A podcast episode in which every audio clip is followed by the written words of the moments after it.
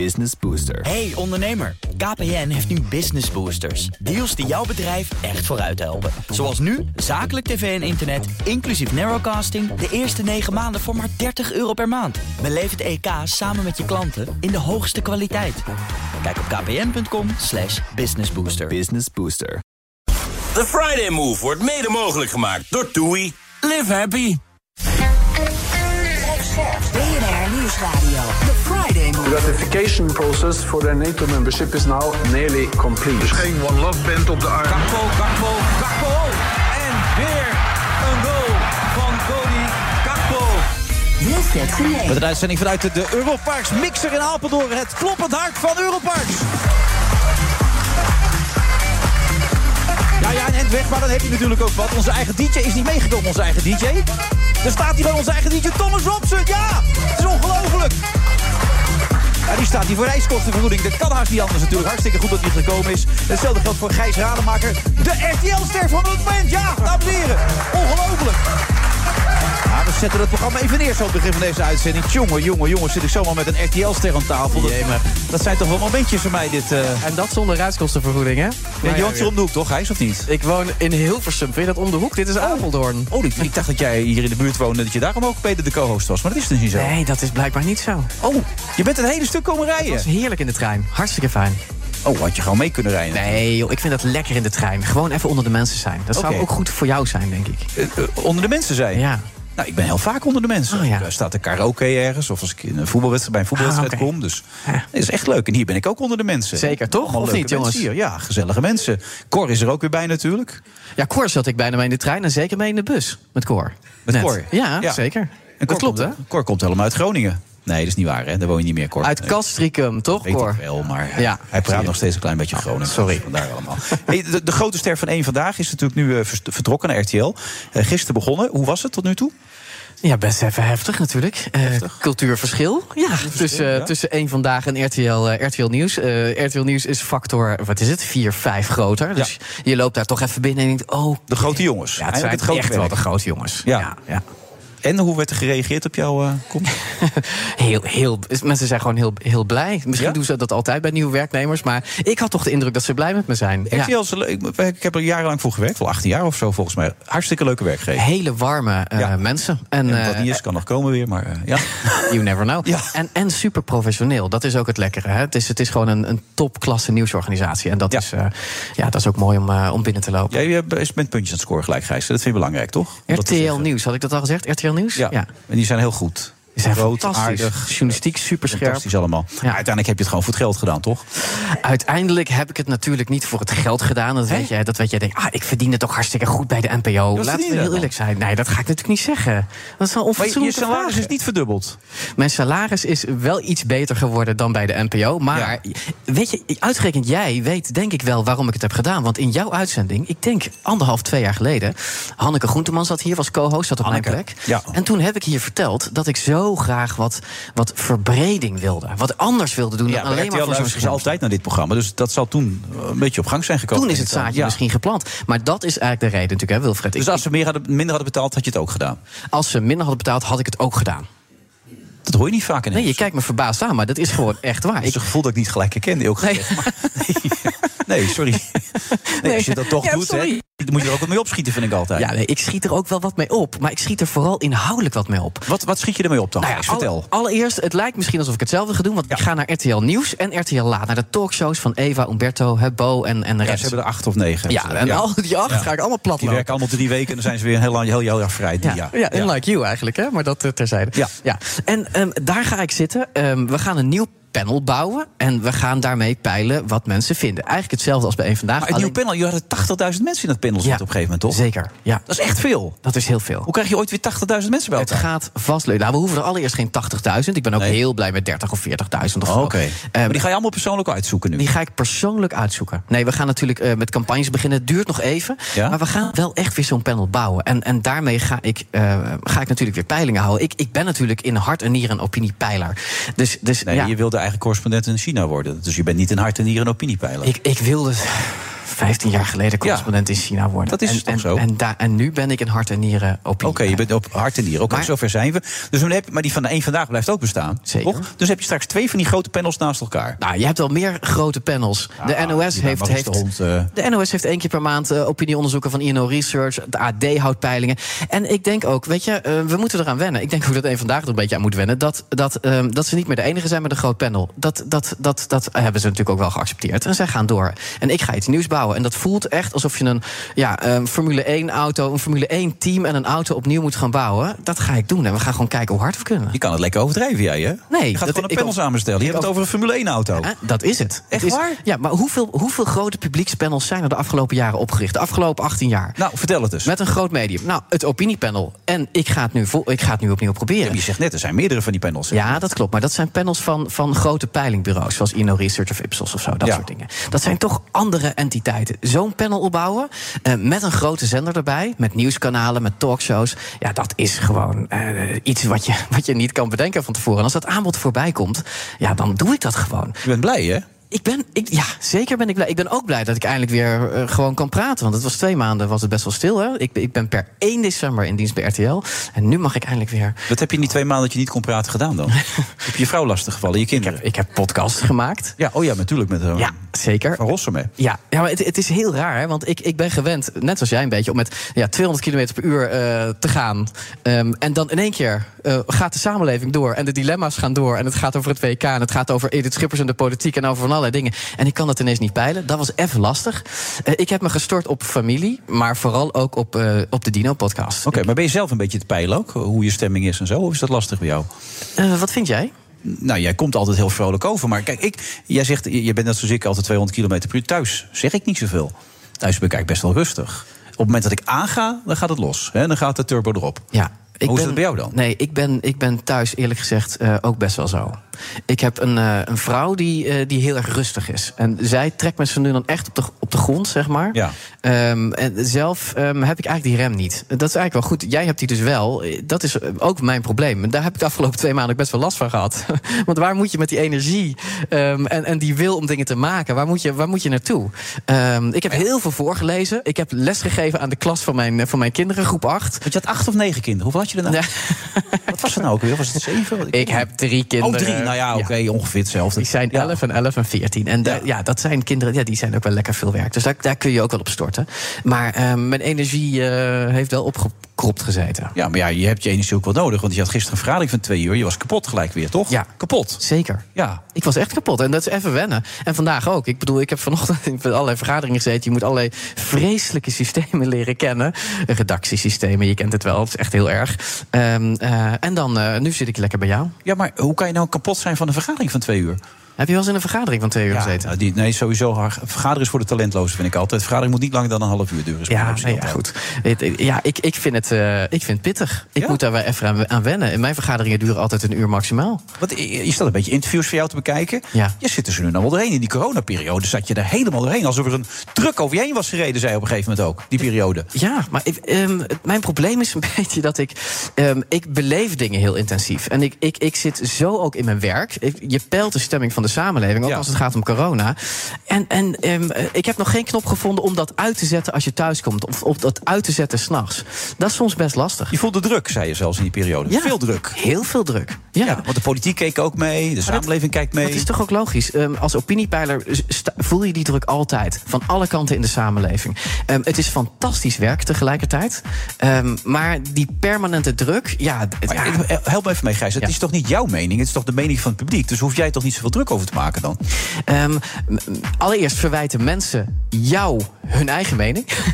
Oké. Dus wat ik publiceer als de stem des volks, ehm, daar krijg jij de shit over je heen. Ja. En tegelijkertijd is het ook zo dat zeker in coronatijden, maar ook in algemene tijden, als je praat over politieke partijen, over het vertrouwen in politiek leiders, ehm, wat jij zegt als, als, als gezicht van een panel, ehm, dat komt hard aan in politieke, in politieke maatschappij. Don't shoot the messenger eigenlijk. Nee, dat kun je wel herhalen. Voor je gevoel gevoel wel. En ehm, het, het is niet alleen dat je bang bent om een, eh, geschoten te worden of zo, in, jouw in, jouw in jouw woorden. Het, het is ook gewoon de verantwoordelijkheid Oh, die je hebt met het, met, het, ehm, eh, met het publiceren van informatie. Ja. Als jij pelt dat het vertrouwen in een politicus of een, of, een, of een partijleider sterk gedaald is, dan is dat altijd toch even heftig om te vertellen. Oké. Dat klinkt stom, maar ik kan dat heel moeilijk scheiden. En eh, ja, Het is wie je bent natuurlijk ook. Ja. Het is je karakter. Ja. Je bent een mede, eh, medevoelend iemand, invoelend, empathisch ben je dan ook wel blijkelijk. Ja, en dat moet je zo nu dan van je afschudden. Ja. Dat vind ik het moeilijkst. Oké, dan kan ik je nog wat tips voor geven. Dank. Later in deze. Ik zie trouwens dat je goed voorbereid hebt. Je hebt een heel boekje. ik heb een heel boekje. Ik heb me Dit heb ingelezen. ik nog nooit meegemaakt. Een co-host die zich gewoon zo goed ingelezen heeft. Je hebt ook vragen opgeschreven. Ik heb vragen per persoon. Nou Zeker. ja, ik ga mijn mond houden de rest van Nee, de dat uitzending. dat hoeft niet. Ongelooflijk.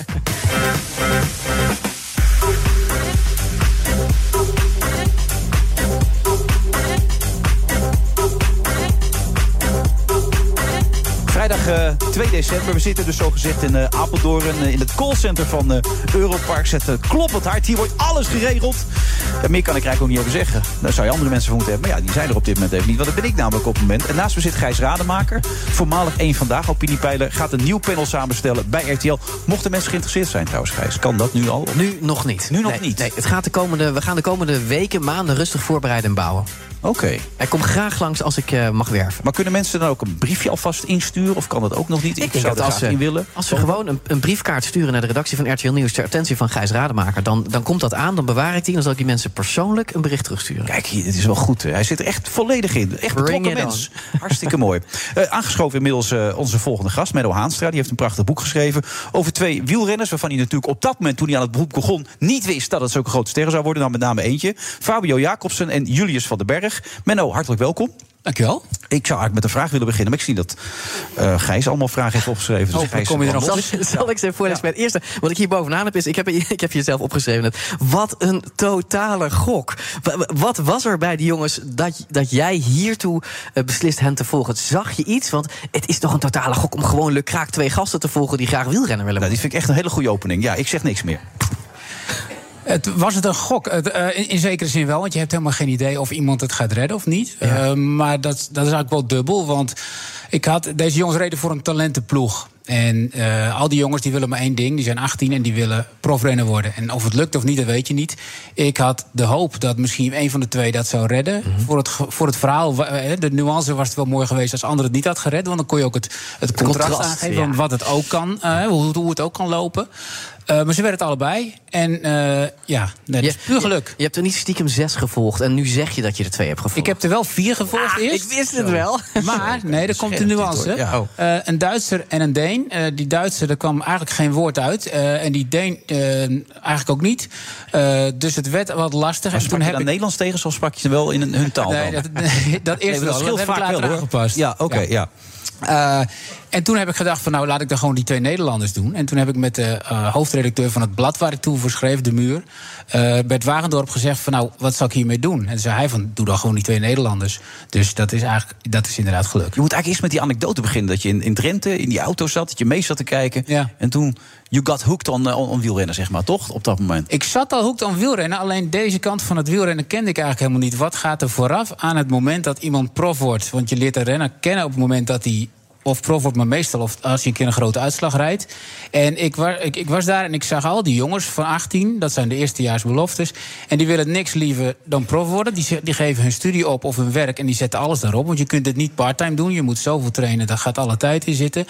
Eh, en, en hoe klein is eigenlijk de kans dat, dat het je lukt? En toen zag ik al die jongens daar. We reden in Drenthe inderdaad, wat jij zegt. En eh, je rijdt daar door die kale eh, landerijen met wind. Ja. En de een na de ander waaide eraf. En wij reden daarnaast. En ik zag die gezichten helemaal verkrampt. Dat je denkt van jongens, jongens wat, wat, wat doe je jezelf aan?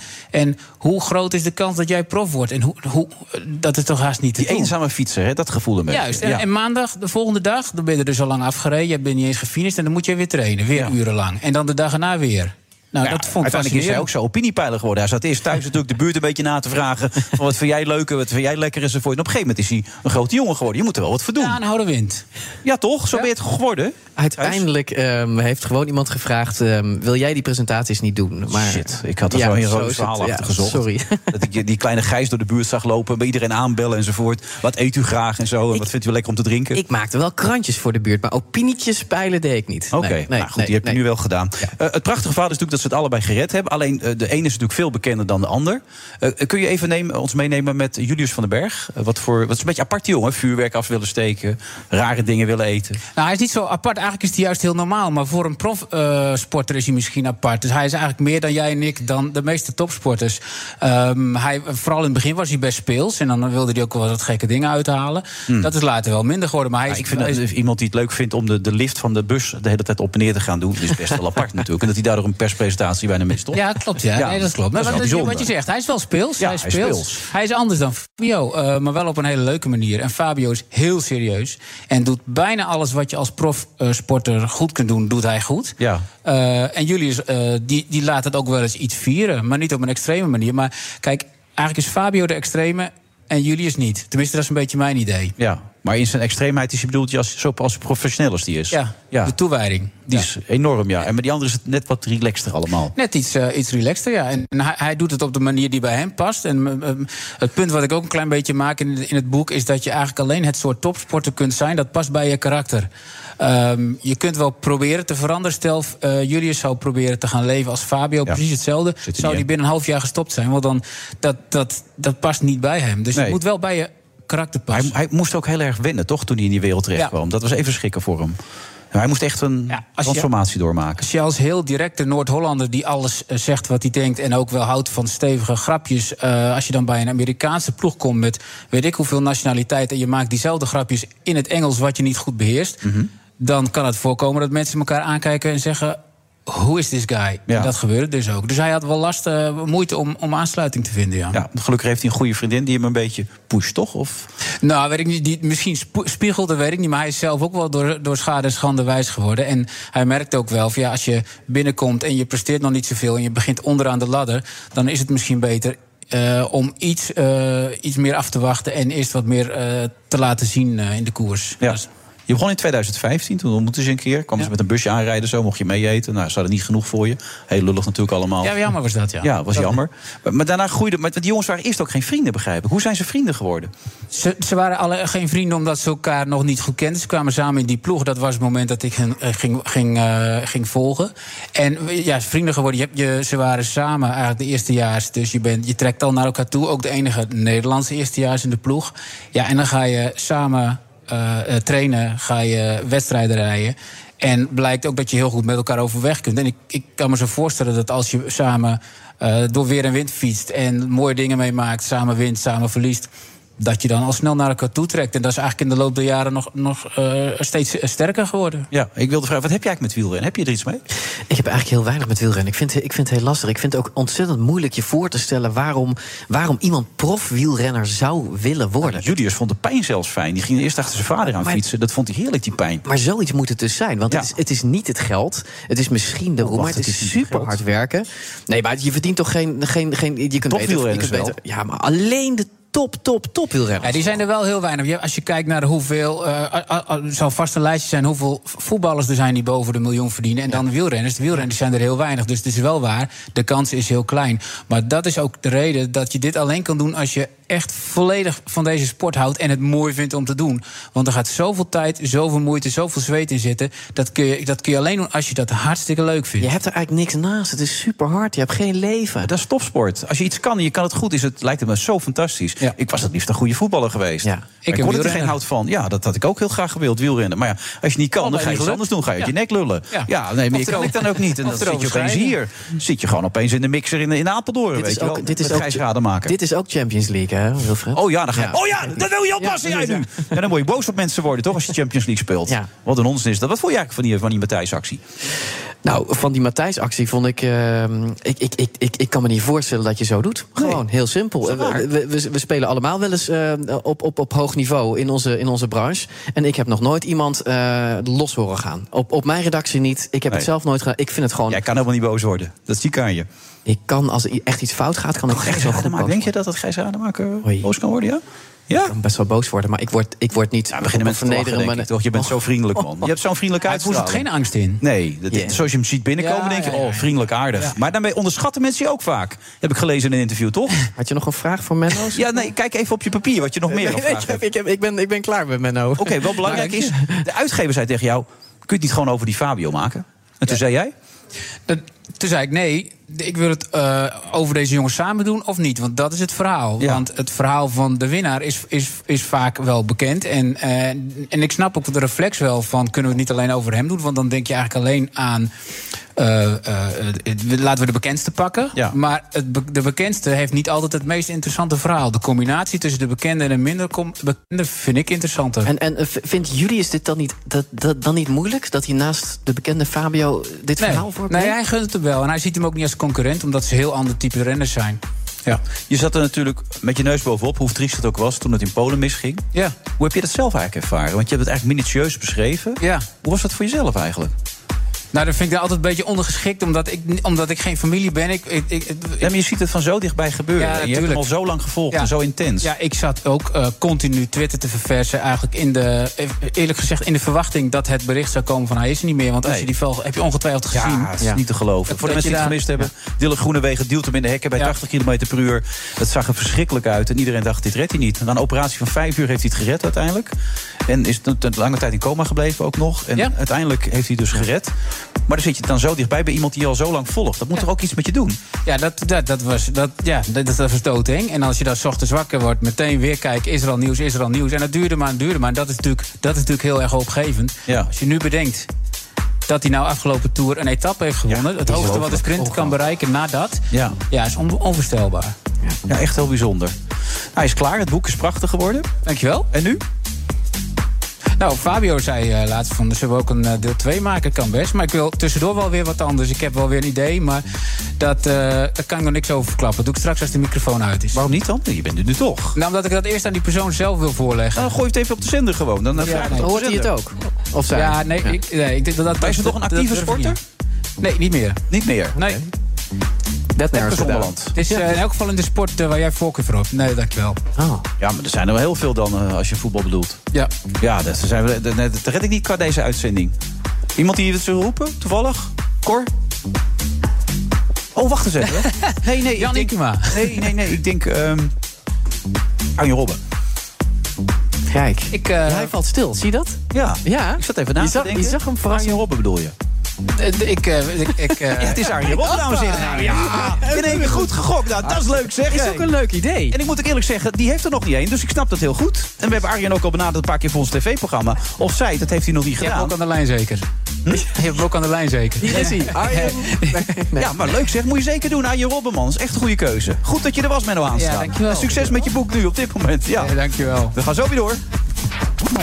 Business Booster. Hey ondernemer, KPN heeft nu Business Boosters. Deals die jouw bedrijf echt vooruit helpen. Zoals nu, zakelijk tv en internet, inclusief narrowcasting... de eerste 9 maanden voor maar 30 euro per maand. Beleef het EK samen met je klanten in de hoogste kwaliteit. Kijk op kpn.com slash businessbooster. Business Booster. Een berichtje van Odido Business. Hoe groot je bedrijf ook is of wordt, bij Odido Business zijn we er voor je. Met unlimited data en bellen en met supersnel en stabiel zakelijk internet. Ook via glasvezel. Ontdek wat er allemaal kan op odido.nl slash business. Het kan ook zo. The Friday Move wordt mede mogelijk gemaakt door TUI. Live happy. BNR Nieuwsradio. The Friday Move. As my friend and I were talking, France is our oldest ally. Het is wel bijzonder dat eh, december kouder dan normaal begint. Als Nederland dan tenminste zaterdag van, eh, van Amerika wint.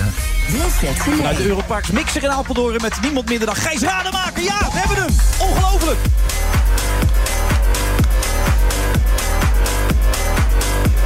En ook onze eigen DJ, DJ Thomas Robson, helemaal uit Amsterdam gekomen, Apeldoorn. Voor het eerst buiten de stad. Die heeft zijn ogen uitgekeken tot nu toe hier. Ja, ze hebben hier ook gewoon elektriciteit. Ook gewoon telefoon. Het is ongelooflijk allemaal, eh, Thomas. Dat wist jij niet. Havermelk hebben ze hier, of niet? Hebben ze hier havermelk? Havermelk? Nee, ze hebben hier, ja, Amsterdammers willen er altijd havermelk. Oh ja, er zitten met die links muesli ja, en zo. Ja, precies. Maar dat, hebben ze hier niet. Ik, hij schudde zijn hoofd. Het is wel een beetje bummer. Ja. Goed dat je er bent, eh, Gijs. Ehm, Ik zei net even in de reclame tegen je, je mag me gewoon aanpakken. Maar ben je iemand die, die echt heel fel kan zijn? Want je zei net, ik kan boos worden. Moesten wij een beetje om lachen natuurlijk, want daar Ja, nou ja, niks weet van. je, het was weer een- vernederende ervaring. Jullie lachten me gewoon uit. Nou, zeker, zo was het ook niet. Je maar- hebt nog niet gezegd dat ik er jong uitzie. Dat komt zeker dadelijk ook nog wel. Dat zeg je ook elke keer dat ik hier ben. Nou, maar ik heb het net al over die negen kinderen van je Ja, gehad. dat En dat je dan toch er nog zo jong uit kan zien. Dat is bijzonder, vind ik hoor. Ja. Maar 28, 29. Nee, zonder gek. Ik heb het opgezocht. Ja? 34. Jeez. Ben je niet goed? Even kijken hoor. Zo flauw, hè? Het is gewoon... Even kijken hoor. Dat doet hij Eh, elke keer. Of 44, hier staat het. Ja, ik- nu doet hij alsof hij verbaasd is. nee, ik, is echt ik sta er elke keer van te kijken. Zeg nou zelf, Marten Kruijf. Ja. Hij ziet er ongelooflijk jong uit. Ja. Een jonge god. Ja. Moet dat nou, hè? Maar bij mij eh, gezien ziet iedereen er jong uit. Dus Ja, dat is helemaal niet waar. Je ziet er ook hartstikke jong uit. Hoe oud ben je dan, Mart? Ik ben 64. Oh. Hij- Hij ziet er niet Kijk, uit als als je 64. Johan Derks was geweest, dan zeg je... je wordt nooit zo oud als je eruit ziet. Maar ja, altijd best wel mee natuurlijk allemaal. En Bernard Hammelburg, Nee, jij ik bent... vermijd het onderwerp. Ja, maar Nee. kan de Ik ben, brugmaker Bernard 75, Hammelburg. ik, ik ben 75. Je vraagt ongeveer elke uitzending. Dus Ja, maar ik weet dat wel. 75. Maar op mijn leeftijd vergeet je dat Maar heeft hij, heeft hij een obsessie met leeftijden en uiterlijk? Maar Hij? het heeft te maken met de combinatie. Nee, dat is goed. Dat is goed. De combinatie bij jou is opmerkelijk eh, wat dat betreft, Gijs. Maar, goed dat je er bent. eh, als RTL-ster, dat is toch altijd bijzonder. Dat ik een RTL-ster, die krijg ik niet altijd natuurlijk allemaal. En je hebt je ook hierop goed voorbereid. Het gaat over de oorlog natuurlijk. Zeker. Je hebt vragen opgesteld, dus ik zou zeggen... Ik weer de. Nou, ik, ik ga gewoon weer de eerste voorlezen. Ik heb hier opgeschreven, ik zal het letterlijk voorlezen. Hoe Beide heren hebben we zo zitten slapen.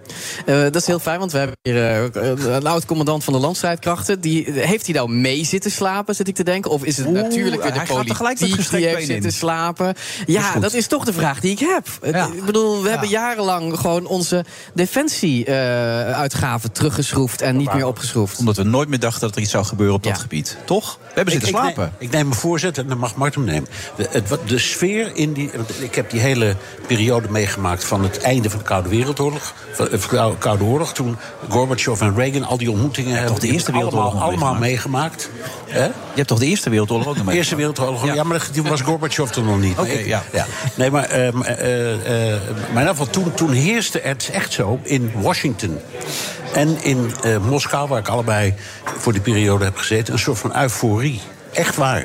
En ik, het, het meest tragische van deze hele gebeurtenis vind ik dat dat weg is, dat dat mislukt is. Maar we dachten echt, dit is het einde, de oorlog houdt op, we hebben Ja, geen leger meer nodig. Woord oorlog en toen kreeg je het zogenaamde vredesdividend. Dus toen gingen we, ze zeiden we hebben alleen nog een krijgsmacht voor het geval de Belgen binnenvallen en van dat soort verhalen.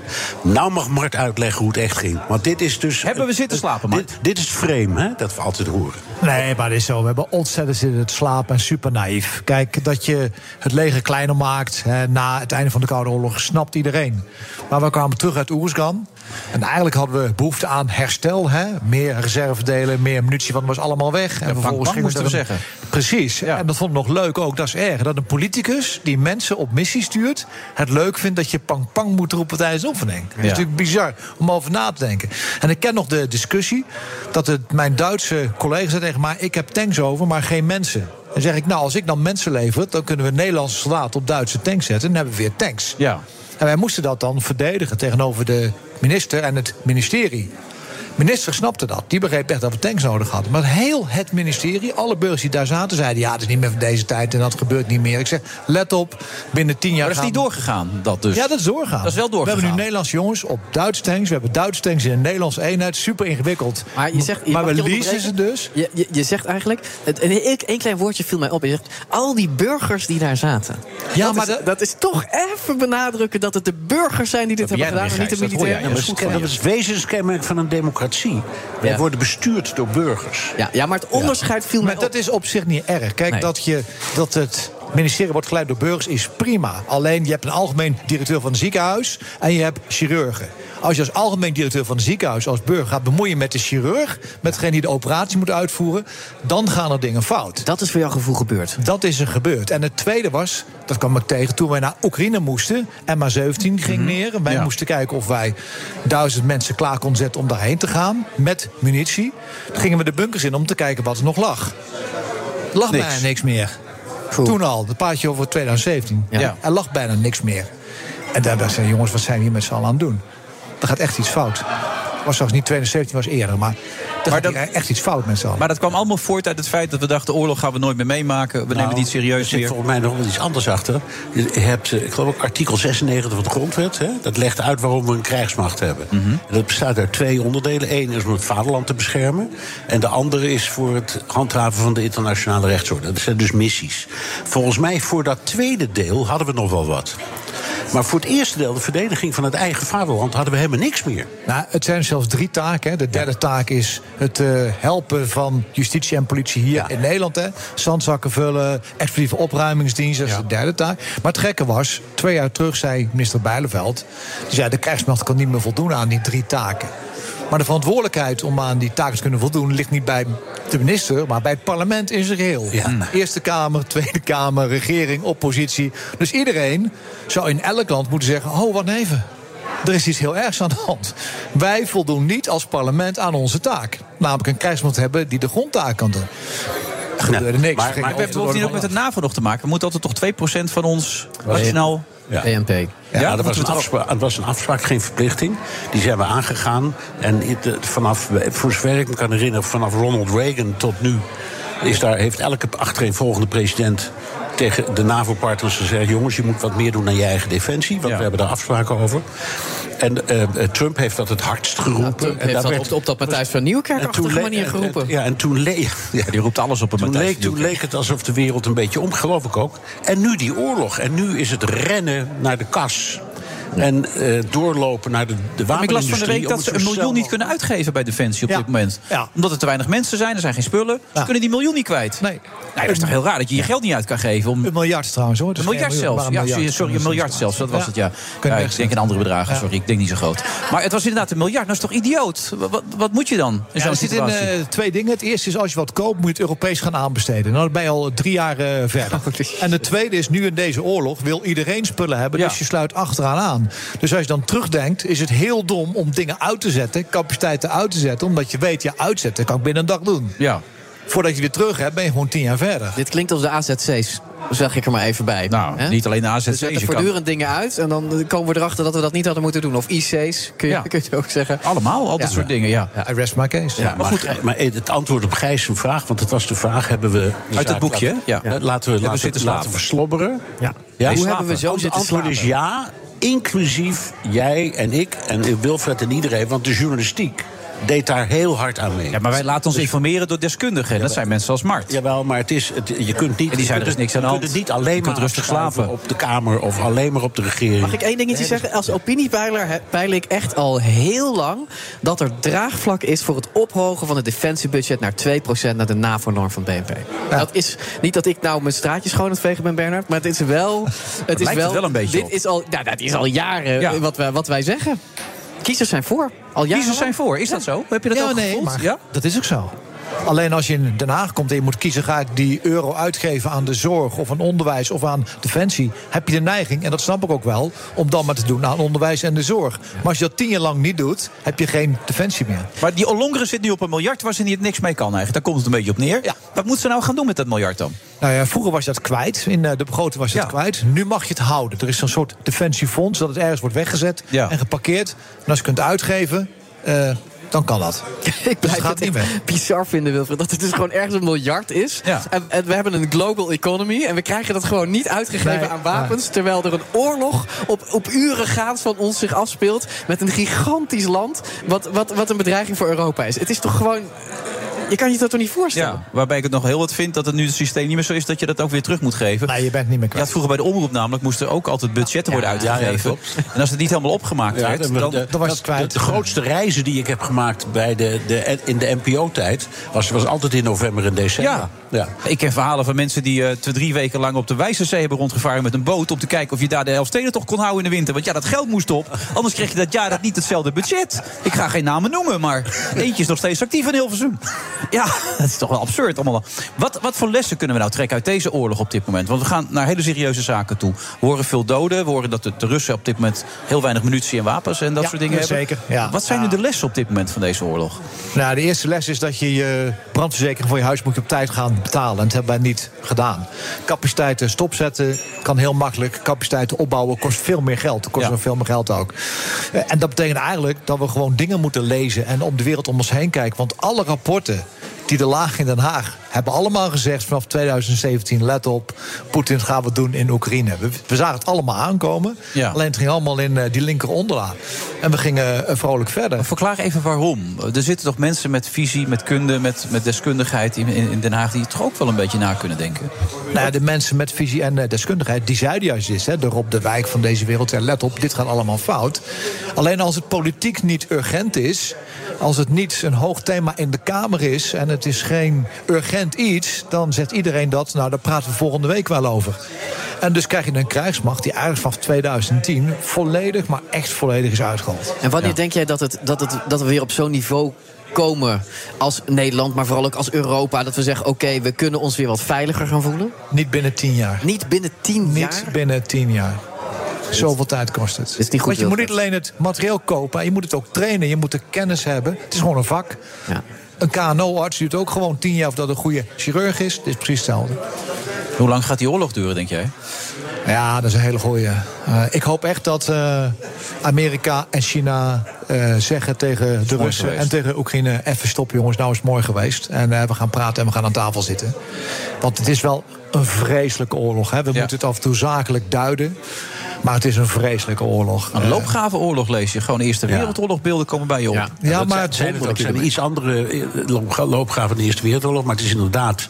ehm, dat, eh, dat beeld, dat klopt. Dat zie je. Tegelijkertijd zijn er ook allerlei cyberaanvallen... waarvan ik niet helemaal begrijp hoe ze werken. Ik, ik dacht steeds... Ook uit het vredesdividend voortkomend. Als er ooit een oorlog komt, dan zit er iemand in Moskou en die drukt op een knop en dan gaat in heel Amerika het licht uit. Ik noem maar wat. Of Ja. andersom. Ja. Maar dat blijkt niet zo te zijn. Zo simpel is het toch niet. Nee, maar oorlog gaat niet tussen systemen. Oorlog gaat tussen mensen. Ja. En als een van de partijen zegt, Oekraïne zegt... luister, ik heb er alles over te verdedigen. En je moet me elke meter afpakken.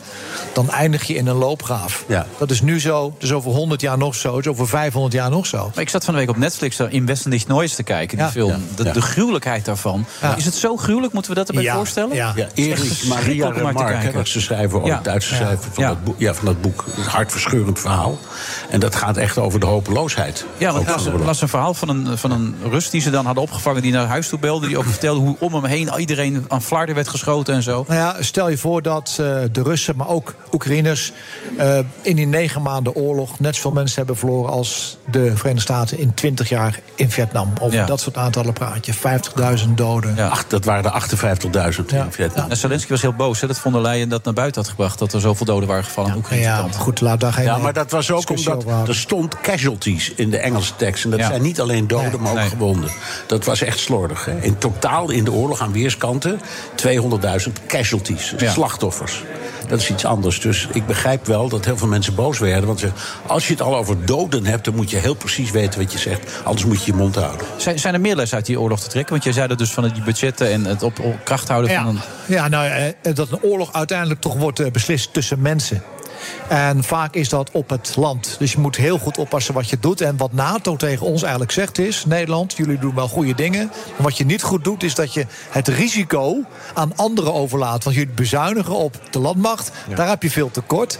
F-35 heb je zat. Maar daar waar het risicovol is... waar je je mensen in de modder moet stoppen om risico te lopen... daar zeggen jullie... Ja, dat doen we even niet aan mee. Daar blijven we weg. Landmachtman. Ik wou net zeggen, spreekt hier niet de oud-commandant van de landstrijdkrachten? Nee, ik zei het letterlijk wat NAVO zegt. Een gebrek aan risk sharing. Dan zeggen ze het letterlijk in een papier. Risk sharing, dat En, bedoelen en, ze dan. en dat is wat ze boots on the ground noemen. Die moet je hebben. En drones dan, als ik nog mag vragen. Want Ja. dat, dat is natuurlijk de noviteit, zeg maar, in eh, deze oorlog. Natuurlijk ook in het Midden-Oosten zie je, zie je ze, zie je ze de afgelopen jaren al. Maar hier echt massaal. Ehm, kijk, eh, als we over tien jaar die, die krijgsmacht hebben in, in Nederland of in Europa... ziet hij er dan anders uit? Is hij Ja, tuurlijk. gedroniseerd?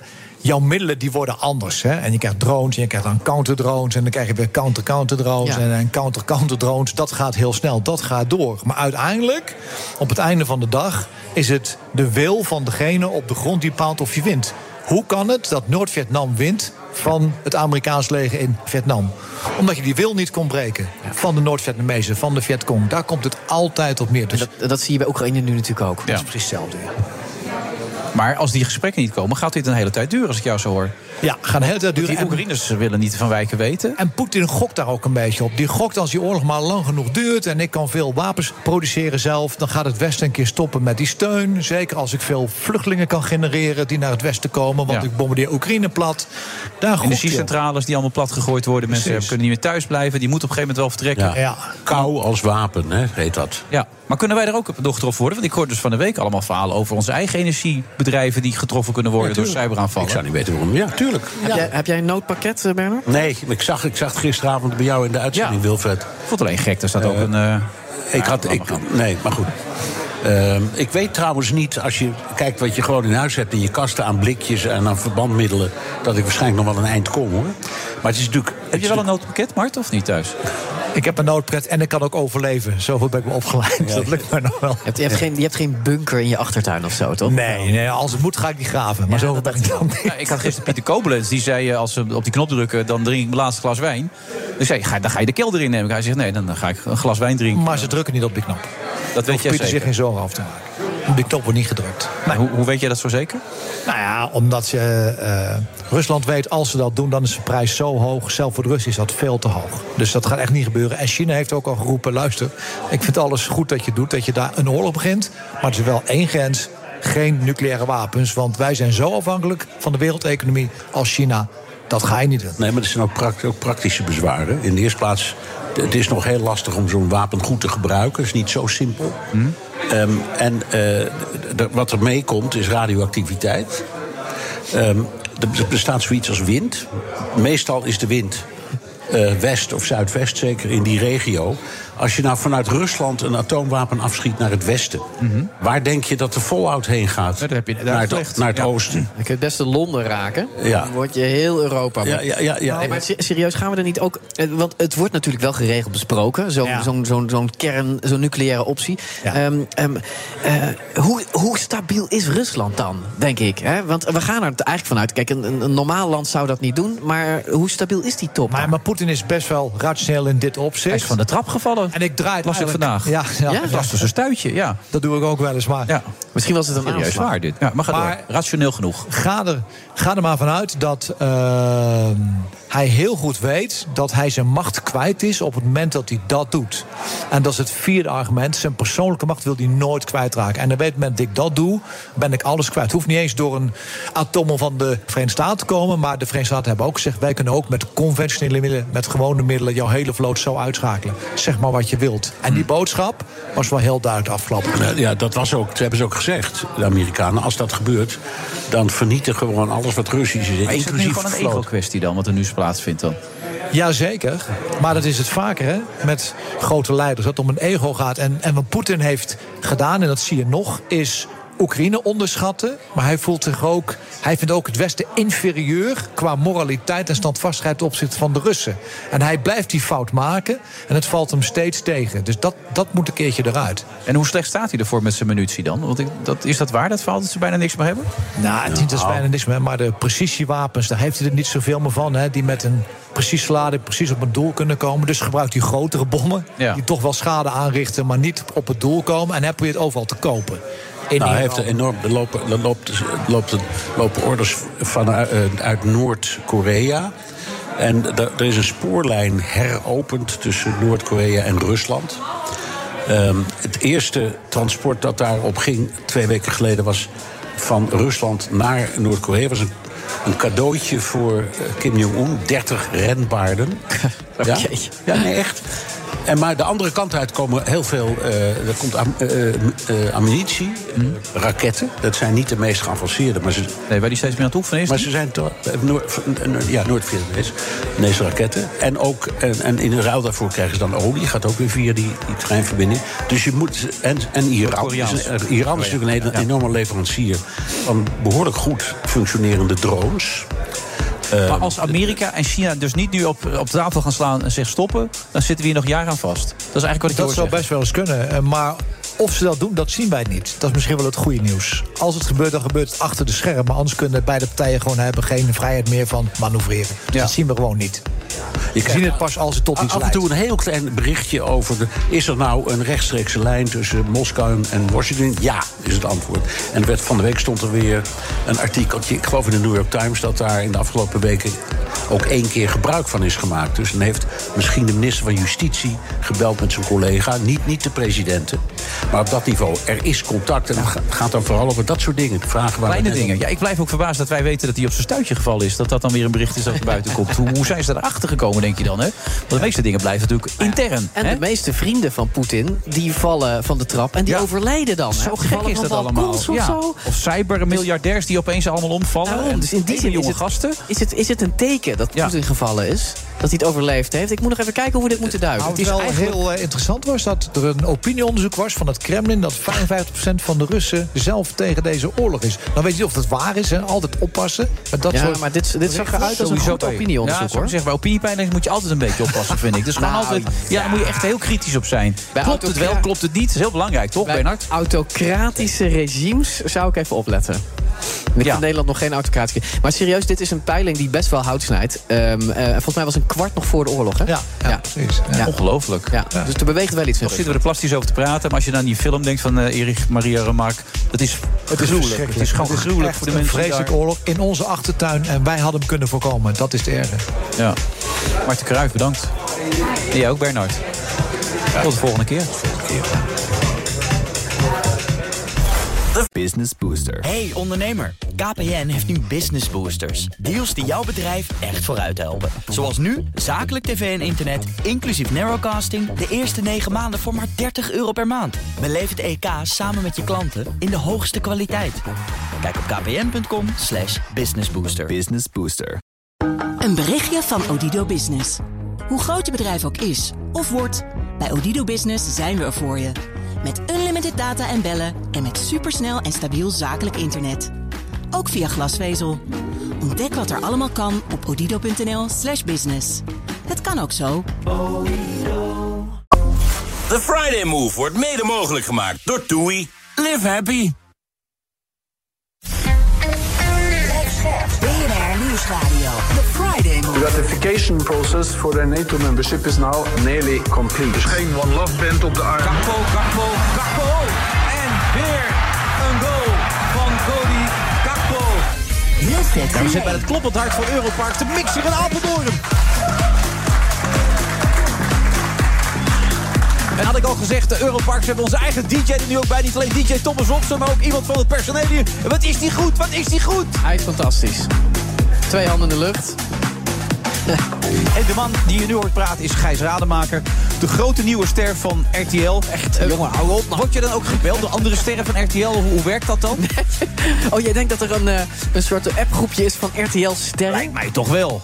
Ik ben een eh, nieuwe medewerker bij RTL. En ik ben nog helemaal... Humberto heeft even geweld gelijk natuurlijk. Ja, Eh, Chantal Jansen belde je. Humberto en ik zitten natuurlijk op speed dial, dat sowieso. Dat- en ja, zo Eva werkt en ik dat. ook, zo werkt dat. Ja, absoluut. Nee, absoluut niet, maar eh, we spreken elkaar wel natuurlijk. Omdat we ons moeten voorbereiden op het nieuwe seizoen. Ja, maar je gaat veel aanschuiven daar. Ook al als het panel er nog niet is, ga je toch al aan het werk. Ja, dat is wel de bedoeling. Maar het is toch best gek als je geen panel hebt, want dan kom je met niks. Nou, wat, we gaan, wat we gaan proberen is... We, je kunt natuurlijk ook peilingen inkopen.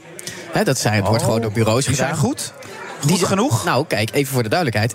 Ik bepaal de vragen. Ik bepaal de vraagstelling. Ik Hey, bepaal hey. hoeveel personen die Hallo. Even opletten allemaal hier. En- en dan is hij goed. bepaalt de vragen. Absolutely bepaal ik de vraag. Ja. ja met, een, met, een, met een redactie die, die mijn eigen redactie is. Daarmee bepalen we de vragen. Maar jij bent En de, de, de zeg maar. Jij bent de, de, de, de, de hoofd, eindredacteur, daar komt het een beetje op neer. Ik ben, ik ben, die positie heb ik officieel niet. Maar in de praktijk is het natuurlijk zo dat er een team is... waarmee ik besluit welke peilingen we gaan houden. En dat doe ik in overleg met, de met, met, Nee, met, met de de researchredactie van Dan ben je gewoon de man in charge heet dat dan. De man in charge om man de, in charge te zijn? De man in charge is de hoofdredactie, of eigenlijk de vrouw in charge is de hoofdredactie van RTL Nieuws. Maar eh, die het luistert gaat volledig naar jou als het gaat om vragen. Nou ja, dat, ik hoop dat ze, eh, dat ze goed luisteren naar de expertise die ik heb opgebouwd. Ja. En het Ja. team wat ik, ga, eh, eh, wat, ik, wat ik onder me ga krijgen, is natuurlijk ook ervaren in het stellen van vragen. Maar heb je het gevoel dat jouw expertise op waarde wordt geschat? Ik ken namelijk mensen in Hilversum die trekken zoveel mogelijk mensen met heel veel kennis aan. Die willen ze vervolgens niet gebruiken omdat ze het zelf beter weten. Oh nee. Nee, dat heb je niet bij jou, Nee, dat, dat heb gevoel. Ik, dat heb ik absoluut niet. Nee. nee ik, ik, weet je, ehm, de afgelopen tien jaar. Er zijn niet zoveel pijlers in Nederland. En Nee, er zijn ook niet zoveel geen mensen. goede pijlers Ik, ik, ik, ik wil me, me, me- mezelf- niet, eh, niet complimenteren. Je bent gewoon een hele goede Maar- pijler. Nee, feit Ja, is gewoon. er gewoon. zijn niet zo heel veel pijlers in Nederland. Die De ene pijler, de andere pijler ook niet. Nee, het is gewoon zo in dit vak. Ja. Nee, Gijs Rademaker is gewoon een van de beste pijlers. Het ja. gaat, het gaat Dan kun je op bouwen. Ja, mag ik? Ja. Oké. Het, gaat om het, het gaat niet alleen om het, om, het, om het houden van een peiling. Het gaat ook om het vertalen naar, naar verhalen daarover. En, en dat is wat weinig mensen kunnen. Jij bent de verhalen vertellen. Dat heb je altijd gezegd, toch? dat Dat, vind vind heel, ik heel bijzonder, vind je dat? Zo sta ik er ook. Ik vind dat bijzonder. Ja. Verhalen vertellen op basis van data. Want data, dat is een optelsom van, van emoties, van gevoelens van mensen... maar ook van levenservaringen van mensen. En als je, de, als je er 20 of 30.000 bij elkaar vat... En je legt ze kwesties voor... dan redeneren ze natuurlijk vanuit, vanuit hun gevoel, vanuit hun eigen levenservaring. En, en, en cijfers zijn die optelsom. En die moet je vertellen. Want jij krijgt ook veel met die emotie te maken, toch? Van de mensen die gepeild worden. Ik, ik zag je ook een soort afscheidsbrief had opgesteld. Ja, nee, het- zeker. Het, Richting je panel. Ja, dat. ehm, het is natuurlijk heel. Het is, het is ook best wel heftig, toch? Ik heb, ik heb tien jaar lang heb ik een panel opgebouwd. Ik heb daar echt een, een, een behoorlijk deel van mijn, van mijn leven in gestoken in dat panel. Daar krijg je een band mee. Het zijn, het zijn, het zijn een 30.000 man die elke week die onderzoeken invullen. Die komen van mij Hmm. en mijn team. Mijn naam staat eronder. Ik presenteer ze overal. Ja. Ehm, dat klinkt nu wel een beetje Louis Vergalen. Je gebruikt heel veel ik en, en ja, maar ga door. Dat is, ik snap wat je bedoelt. Ja. Ik ga gewoon door, eh, alsof Ja. ik dit niet hoor. Nee. Ehm, eh, ik presenteer die dingen, maar die band die je met mensen krijgt... als 30.000 mensen anoniem onderzoeken invullen, anoniem... Mhm. dan krijg je toch uiteindelijk een band met ze. En dan is het toch heel intiem, want ze vertellen je echt alles wat je wil weten. Echt alles. En... ehm, nou, dat vind ik dan even heftig. Om Word je wel van- aangesproken op straat en zo? Dan Tuurlijk. Hoe gaat dat dan? Mensen zijn heel blij. Die zeggen, goh, ik ben lid, zeggen ze dan. Ik zit in het panel. Zeker. Ik ben van jouw team. Ja, absoluut. En dan willen ze ook dingen delen met je op zo'n moment. Nou, ze, ze- ze, ze delen dat ze blij zijn met de onderzoeken. En ze, ze, eh, ik zeg dan altijd dat ik blij, hoe blij ik ben dat ze deelnemen. Want het kost mensen natuurlijk echt best wel veel tijd. Hè, dit. dit is niet zomaar even iets Ze wat krijgen er niks voor. Ze krijgen er Doen het helemaal gewoon niks zomaar. Voor. Ze doen het zomaar. Ze doen het, Speciaal voor Gijs. ze doen het niet voor mij. Ze doen het omdat ze hun stem willen laten horen. Maar heel vaak zijn ze, godzijdank, heel blij met de manier waarop ik die stem vertolk. Ja. En, ehm, Maar dat, dat, dat zeg ik serieus. Dat doe je ook goed. Er zit een soort enthousiasme in, een betrokkenheid. En je kan het vertellen. Dat is belangrijk. Want het is data. Die moet je toch anders kunnen vertellen dan. Ja, Toch? en het, het, het- wat ik zeg, het voelde dus ontzettend intiem. dit. Dankjewel, ja. Ja. Het, het, het voelde heel intiem en daardoor is het, is het afscheid nemen van, van het opiniepanel... Ja, is, is ook wel even een ding. Ik moet een nieuw team gaan bouwen met nieuwe mensen die... Je ik hebt hoop- gehuild. Ik heb zeker gehuild. Wat denk jij? Ik heb absoluut gehuild. Ik ben huilend het, het Avro-Tros gebouw uitgelopen. Echt waar? Ja, Het is geen ondertoon, het is serieus. ik ben heel serieus. Ik, ik ben letterlijk huilend het gebouw uitgelopen. Natuurlijk. Oké. Ik heb 18 jaar daar gewerkt. Ik ben 12 jaar lang het Frans van gezicht... Peperstraten was het gewoon. Ja, ja, ik heb gelukkig niet in beeld gehuild. Maar ik heb, ik heb letterlijk bij de laatste uitzending de tranen uit mijn ogen geveegd. Ehm, dat heeft het publiek gelukkig niet gezien. En dan stap je in het licht. En dan doe je je presentatie. En de laatste woorden van Roos, mijn collega Roos Mogré... Ja. waren natuurlijk altijd dezelfde als altijd. Namelijk, dankjewel Gijs Rademaker. En ze waren net iets rustiger uitgesproken dan normaal. En met die woorden ehm, ehm, ben, ik, ben ik gewoon weggegaan. En niemand wist toen nog dat ik zou gaan. Hè? Dus het is een heel bizar moment. Maar heeft niemand jou zien huilen toen je naar buiten liep zo Nee, dan? nee, het was donker. En er was niemand, want er zouden toch een paar mensen zijn geweest die wisten dat het de laatste keer was, of niet? Bijna niemand wist het. Roos wist het zelf wel, gelukkig. Want ik heb van tevoren gezegd, je moet met deze uitzending doortrekken. Ehm, eh, nee, niet veel mensen wisten het. Oké. Nee, het was, het was een geheim. Je tekent natuurlijk. Ik, ik, ik, ik maak niet van tevoren bekend dat ik ergens heen ga. Dus dat was, dat was best wel heftig. En gelukkig stond er buiten, in het donker, in de regen, stond een goede vriend onder een paraplu. En uh, oh, dat was heel erg tof. En die wist ook dat je het moeilijk zou hebben. Ja, blijkbaar. Ja. En hij wist dat het, dat, het, dat het na de uitzending was en hoe laat dat was. Dus godzijdank stond hij daar. Ja. ja. Je vrouw thuis, hoe was die? Ja, natuurlijk heel erg oké. Okay.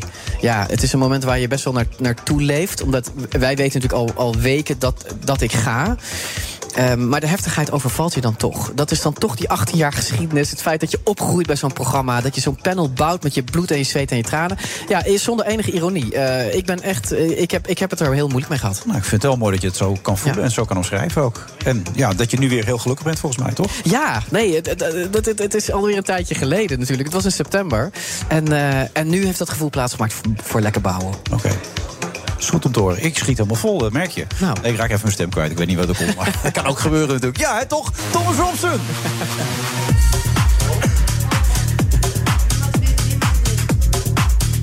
De Friday Mover zit vandaag in Apeldoorn bij Europarks. Had ik al Europarks genoemd eigenlijk? Ja, toch? En heb ik Toei al genoemd? Nee, ik heb Toei ook nog niet genoemd. Het is toch raar dat je dat niet doet, hè? Terwijl het toch heel belangrijk is dat Toei daar ook een hele essentiële rol in speelt. En naast mij zit inmiddels Angelique Kunst. Hartelijk welkom, Angelique. Hi Wilfred. Uh, je maakt een podcast. Ja. In de band van Rian. Ja. Waarom heeft hij de prijs niet gewonnen uh, vorige week? Hoe kan ja, dat? Ja, dat vraag ik me dus ook af. Dat is toch belachelijk? Ja, dat vond ik ook, want ik vind die van ons eigenlijk wel... Ja, want er is nog een podcast, die heeft dan de prijs gewonnen. Ja. Die is van het FD, geloof ik. Ja. Doorgestoken kaart. Ja, Doorgestoken kaart, kan niet anders. Ik ben er wel van BNR, maar die hebben er... Die hebben er ja, dat kan niet anders. Want ik kreeg net ook van mijn voormalige sidekick, uh, uh, Rick Romein... Ik deed samen de ochtendshow met hem. Ja. Hij zegt, geniale podcast. Nou. Geniale podcast. Ook de aflevering van deze week. Had hij het erover klopt dat er deze week weer een nieuwe aflevering ja, er is afgelopen zaterdag een nieuwe verschenen. En morgen ja. komt er weer een. Hij zegt, intrigerend, fantastisch. En hij zegt er ook bij, die Rian is knettergek. Met heel veel ace. Klopt dat? Ja, ik ben geen psychiater, dus dat ga ik niet hardop zeggen. Nou, dat jij hebt daar wel een mening is, over natuurlijk. Ze, ze, is wel buitengewoon verward, ja. ja. even voor de mensen die het verhaal niet kennen. Ik denk dat inmiddels steeds meer mensen het kennen. Ook omdat Gerard Sanderink de laatste weken weer uh, volledig in het nieuws is. Ja. Omdat hij de zaak weer wilde overnemen. Ja, ik begin er bijna bij te lachen. Maar uh, kort samenvatten waar het om draait? Ja, het draait om uh, Gerard Sanderink, zoals je net al zei. Een uh, 74-jarige multimiljonair, uh, geboren in Twente. Ehm, die man heeft een fantastisch bedrijvenimperium opgebouwd. Helemaal eigenhandig, want hij was boerenzoon. Um, en die heeft uh, in 2018 uh, een, nieuwe, een nieuwe vriendin gekregen. En dat is Rian van Rijbroek. Hij had uh, tot die tijd een relatie met Brigitte van Echten. Een ja. buitengewoon degelijke dame die ook directeur was van een ja. van zijn bedrijven. Um, maar ja, hij kreeg een nieuwe vriendin. Dus Brigitte van Echten werd uit zijn leven en uit zijn bedrijf uh, gekegeld. Nou, en vanaf dat moment had je de poppen aan het dansen. Ja. Want uh, sindsdien is het één grote juridische soap. Alle rechtbanken van Nederland hebben we al van binnen gezien. Uh, en hij beschuldigt zijn ex-vriendin van de meest krankzinnige dingen. Van pornoproductie tot lidmaatschap van een moslimsecte. Tot fraude en diefstal, heel banaal. Ja. Um, en ja, en die Rian van Rijbroek speelt daar een hele rare rol die in. was opeens specialist, zagen we, opeens, zagen we op tv voorbij komen, toch? Nou, dat was al voor die tijd. Dat was het grappige. Kijk, in 2018, januari, uh, heeft zij bij Nieuwsuur gezeten... Ja. en daar deed ze zich voor als cyber-expert. Ja, die zat daar een goed verhaal te vertellen, ja. dachten we met z'n allen. Ja, ja, dat dachten wij als leken met z'n allen. Ja. Maar de echte experts die dachten van, de mens is hartstikke gek. Ja, wat is het voor gelul? die zitten echt dingen te vertellen die niet kloppen. Het was ongelooflijk, dus, toch? Dat, er was een, een aanval aan de gang dat kwam van de Russen en de Koreanen. En, uh, en Iran. En dat bleek uiteindelijk een ja. tienerjongetje te zijn, toch? Die Uit dat Oosterhout, ja. ja. ja. Dus, dus dat hele verhaal van haar, daar klopte helemaal niets van. Nee. En uh, ze is eigenlijk tijdens de uitzending al door de mand gevallen. Uh, Nieuwsuur heeft later ook excuses aangeboden. Want ja, die hadden dus niet in de gaten dat zij helemaal geen expert was. Maar het rare is dan dat een paar maanden later krijgt deze uh, cybercharlatan, zoals we haar noemen, um, ineens verkering met Gerard Sanderink. Ja. En een van zijn belangrijkste bedrijven is ICT-bedrijf Centric. En dat werkt heel veel voor de Nederlandse overheid. Ja, dat gaat nu stoppen, begrijp ik, hè? Die, de, nee. Het contract wordt niet meer verlengd, begreep ik toch? Of? Nou, de, uh, Centric heeft heel veel contracten met heel okay. veel gemeenten en dergelijke. Maar bijvoorbeeld de Nederlandse Bank, uh, ja, die zijn opgestapt vanwege ja. mevrouw van Rijbroek. En uh, de Sociale Verzekeringsbank ook. Meneer Sanderink en mevrouw van Rijbroek zijn de laatste jaren te vaak slecht in het nieuws gekomen. En dat heeft gewoon een hele negatieve uitstraling gehad op zijn bedrijf. Maar deze dame is matteklap, klopt dat? Is die niet helemaal. Uh... Ja, ze is buitengewoon verward. En ja. ze doet hele rare dingen. Ze, ze, ze heeft ervoor gezorgd dat Sanderink alle topmensen van zijn bedrijf ontsloeg. Ja. En, eh, en ze stuurt werkelijk idiote mails naar allerlei eh, hoogwaardigheidsbekleders, naar ministers, naar eh, de baas van de Fiat. Ehm, je kunt Ja. het echt zo gek niet verzinnen. Krankzinnige mails. Het mooie van de podcast is dus eigenlijk dat Angelique ehm, ehm, dit allemaal keurig uitlegt. Dus je luistert naar het verhaal van Rian. En elke keer als er wat gezegd wordt, als je haar in het publiek of in een uitzending ergens iets hoort zeggen, dan kom jij vervolgens, en je legt vervolgens, je fileert vervolgens hoe dat tot stand kwam en waar het vandaan kwam en waarom het ook niet klopt. Dat vind ik, het wordt niet gewoon alleen maar beweerd, het wordt ook gewoon eh, Gefundeerd uitgelegd. uitstekend Ja. onderbouwd. En dat heel toegankelijk. Ja, het is een, het is een heerlijke podcast. Want je hebt ook al een boek geschreven. Eh, Je bent er al een tijd mee bezig. Het intrigeert je dus klaarblijkelijk. Ja, ik ben er al een tijd mee bezig. Want eh, eh, in, janu of in ehm, eh, april 2019 was er de eerste rechtszaak van Gerard Sanderink tegen zijn ex-vriendin. Waarin hij haar beschuldigde van fraude. Ehm, en toen kwam ineens de naam Rian van Rijbroek naar boven. En omdat Gerard... gaf ook heel veel een goede tool en zo, begreep ik toch? In die tijd. Of Nee, oh nee. nee ik daar- dacht in de, nee, daar promotie van de ICT enzovoort ook. Dacht ik. Nee, maar meneer Sanderink had eh, jaren geleden heeft hij besloten dat zijn erfenis. Hij is niet getrouwd, hij heeft geen kinderen. Zijn erfenis zou eh, bestemd worden voor de ontwikkeling van technologie in Ja. Twente. Dat was eh, het idee en daar is hij eigenlijk meteen mee begonnen door studiebeurzen uit te delen, door start-ups te steunen. En er zou een groot technology center in Twente komen waar hij veel geld in zou steken. Ehm, en vlak na die rechtszaak viel dat ineens allemaal om. Hij liet die start-ups failli- failliet gaan. eh, hij stopte met de studiebeurzen. Hij bleek een subsidie voor het Technology Center... voor zijn andere bedrijven gebruikt te hebben. Dus wij dachten ineens van... hé, hey, hij heeft een nieuwe vriendin Hmm. en hij doet nu heel raar. Hij breekt alles af wat hij de afgelopen jaren heeft opgebouwd. Nou, dat intrigeert natuurlijk. Ik, ik was journaliste bij Tubantia. Ik zit inmiddels bij het AD. Maar ehm, voor een regionale krant is dat natuurlijk heel spannend. Van, Nogal, ja. hey, eh, Twente zou miljoenen krijgen... en nu ineens lijkt het erop dat dat niet doorgaat. Dus dan duik je daarin. En dan ga je uitzoeken, wie is die mevrouw van Rijbroek eigenlijk? Nou, en toen kwam ik echt zoveel rare dingen tegen. En ik kwam... Ik heb gesproken met ondernemers die ze eh, in, in de afgelopen jaren in de luren heeft gelegd. Die ze gemanipuleerd heeft. eh, die, ja, Maar kijk, de de leven draait om de duit en de fluit. En mannen kunnen wel eens een beetje de weg kwijtraken als een vrouw tegenkomen. Maar dat is vaak Ja. tijdelijk enzovoort. Maar dit duurt al een tijdje voort, hè? Ja, en dit draait ook echt niet alleen maar om het geld. Kijk, er zijn een heleboel mensen die denken... die Rian van Rijbroek, dat is een golddigger. Hij is 20 jaar jonger dan die eh Sanderink. En nou, dat, dat, Ja. Dat, dat tekent zich uit. Maar dat, ik geloof niet dat dat zo is. Want als zij alleen maar op het geld uit was... dan had ze dat veel slimmer kunnen aanpakken. Dan had ze zich niet zo in de kijker gespeeld. Dan had ze niet duizenden mails eh, rondgestuurd onder naam van Sanderink... met de meest krankzinnige beschuldigingen over, over Jan en Alleman. Dan had ze zich heel low profile had ze gezorgd dat ze in Maar zijn hoe werkt het testament dan wel? Wat denk je dan wel dat het motief is? ja, zij wil heel graag gezien worden als eh, de, de expert die ze zelf denkt dat ze is. En, en ze gaat werkelijk doorroeien en ruiten om eh, erkenning te krijgen voor haar cyberexpertise en haar financiële expertise. Zij is briljant, vindt ze zelf. Ja. En zij denkt ook, volgens mij denkt ze echt dat zij eh, een geweldige cyberhacker is. Jij, gaat terug naar haar jeugd hè, daarvoor. Hè? Dat Ja. het uiteindelijk diep in haar zit. eh, haar middelbare schooltijd. Dat ze gepest is. Dat Ja. soort dingen. Dat leg, je, dat, hè, dat, dat leg je in de podcast heel, heel erg uit waar dat vandaan komt. Maar ja, wij zitten er allebei naar te luisteren. Ik heb Gerard Sanderik één keer mogen ontmoeten. Een beetje een vreemde contactgestoorde man. Maar wel een slimme man. Een hele slimme man. Die, hoe, kan, hoe kan die... Wat is er dan de reden dat hij er zo in tuint? Nou ja, ook vanuit zijn jeugd. Als je mijn boek leest, eh, ook Gerard Sanderink, die, die eh, ja, van huis uit eh, werd. Werd hij niet echt gestimuleerd. Zijn vader dacht dat hij eh, een klein schreeuw mannetje was en dat hij niks kon. Hij was dyslectisch, dus hij kon op school niet goed meekomen. Hij had een grote broer die heel slim was en heel sterk. En dat was het grote voorbeeld. En ja, hij was eigenlijk maar een minkukeltje. En daar heeft hij een, een enorme drive aan overgehouden om te bewijzen wie die is. En om te bewijzen dat hij wel de moeite waard is. Nou, en dat is hem aardig gelukt, denk ik. Want eh, een paar jaar geleden eh, stond hij nog voor 620 miljoen in de quote 500. nou, dan heb je, verkeerd. het, Nee. heb je het best gedaan eh, in je leven. En dat heeft hij helemaal zelf opgebouwd. Dus dat is hartstikke knap.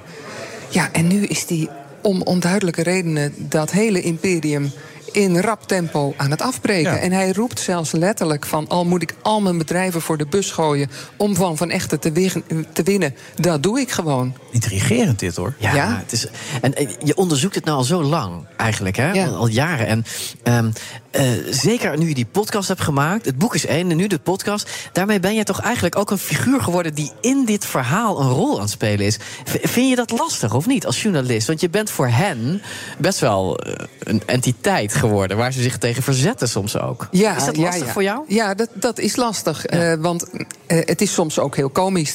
Bij de ondernemingskamer twee weken geleden bij het gerechtshof Amsterdam. daar werd mijn naam voortdurend genoemd. Zowel door Sanderink als Van. Rijbroek. Van ja, en mevrouw Kunst. En als mevrouw Kunst niet dit. En als mevrouw Kunst niet dat. En mevrouw Kunst ligt alles aan elkaar.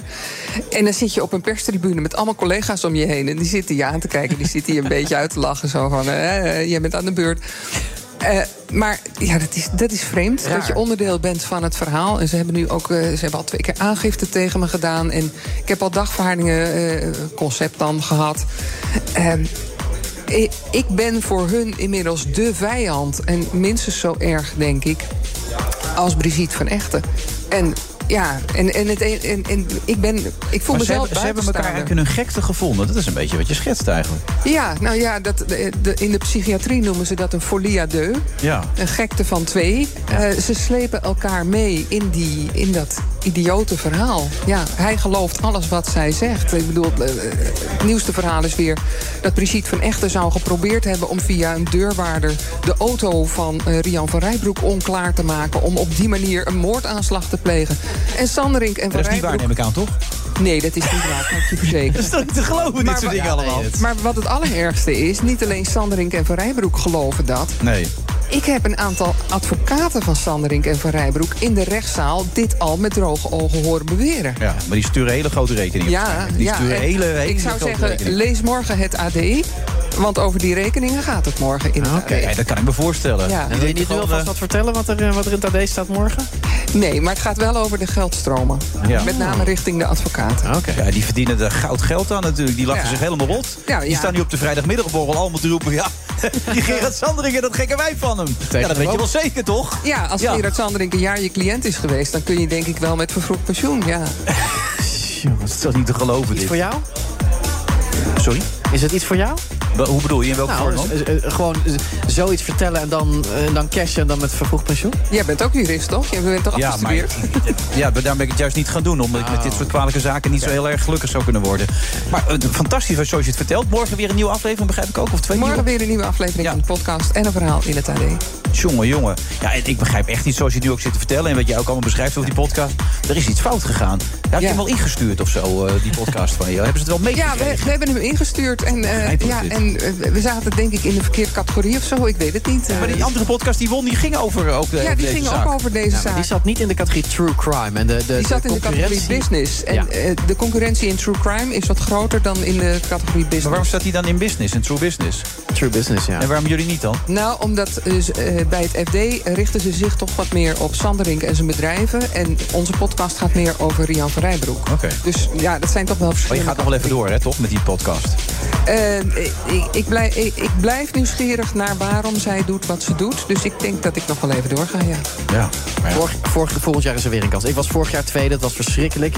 Dit jaar win, win ik hem, volgend jaar win jij. Ja, ik zou dus zeggen, die dino's die zijn zo oud... die kunnen er een tijd over door natuurlijk allemaal. Zeker. Dankjewel, Angelique.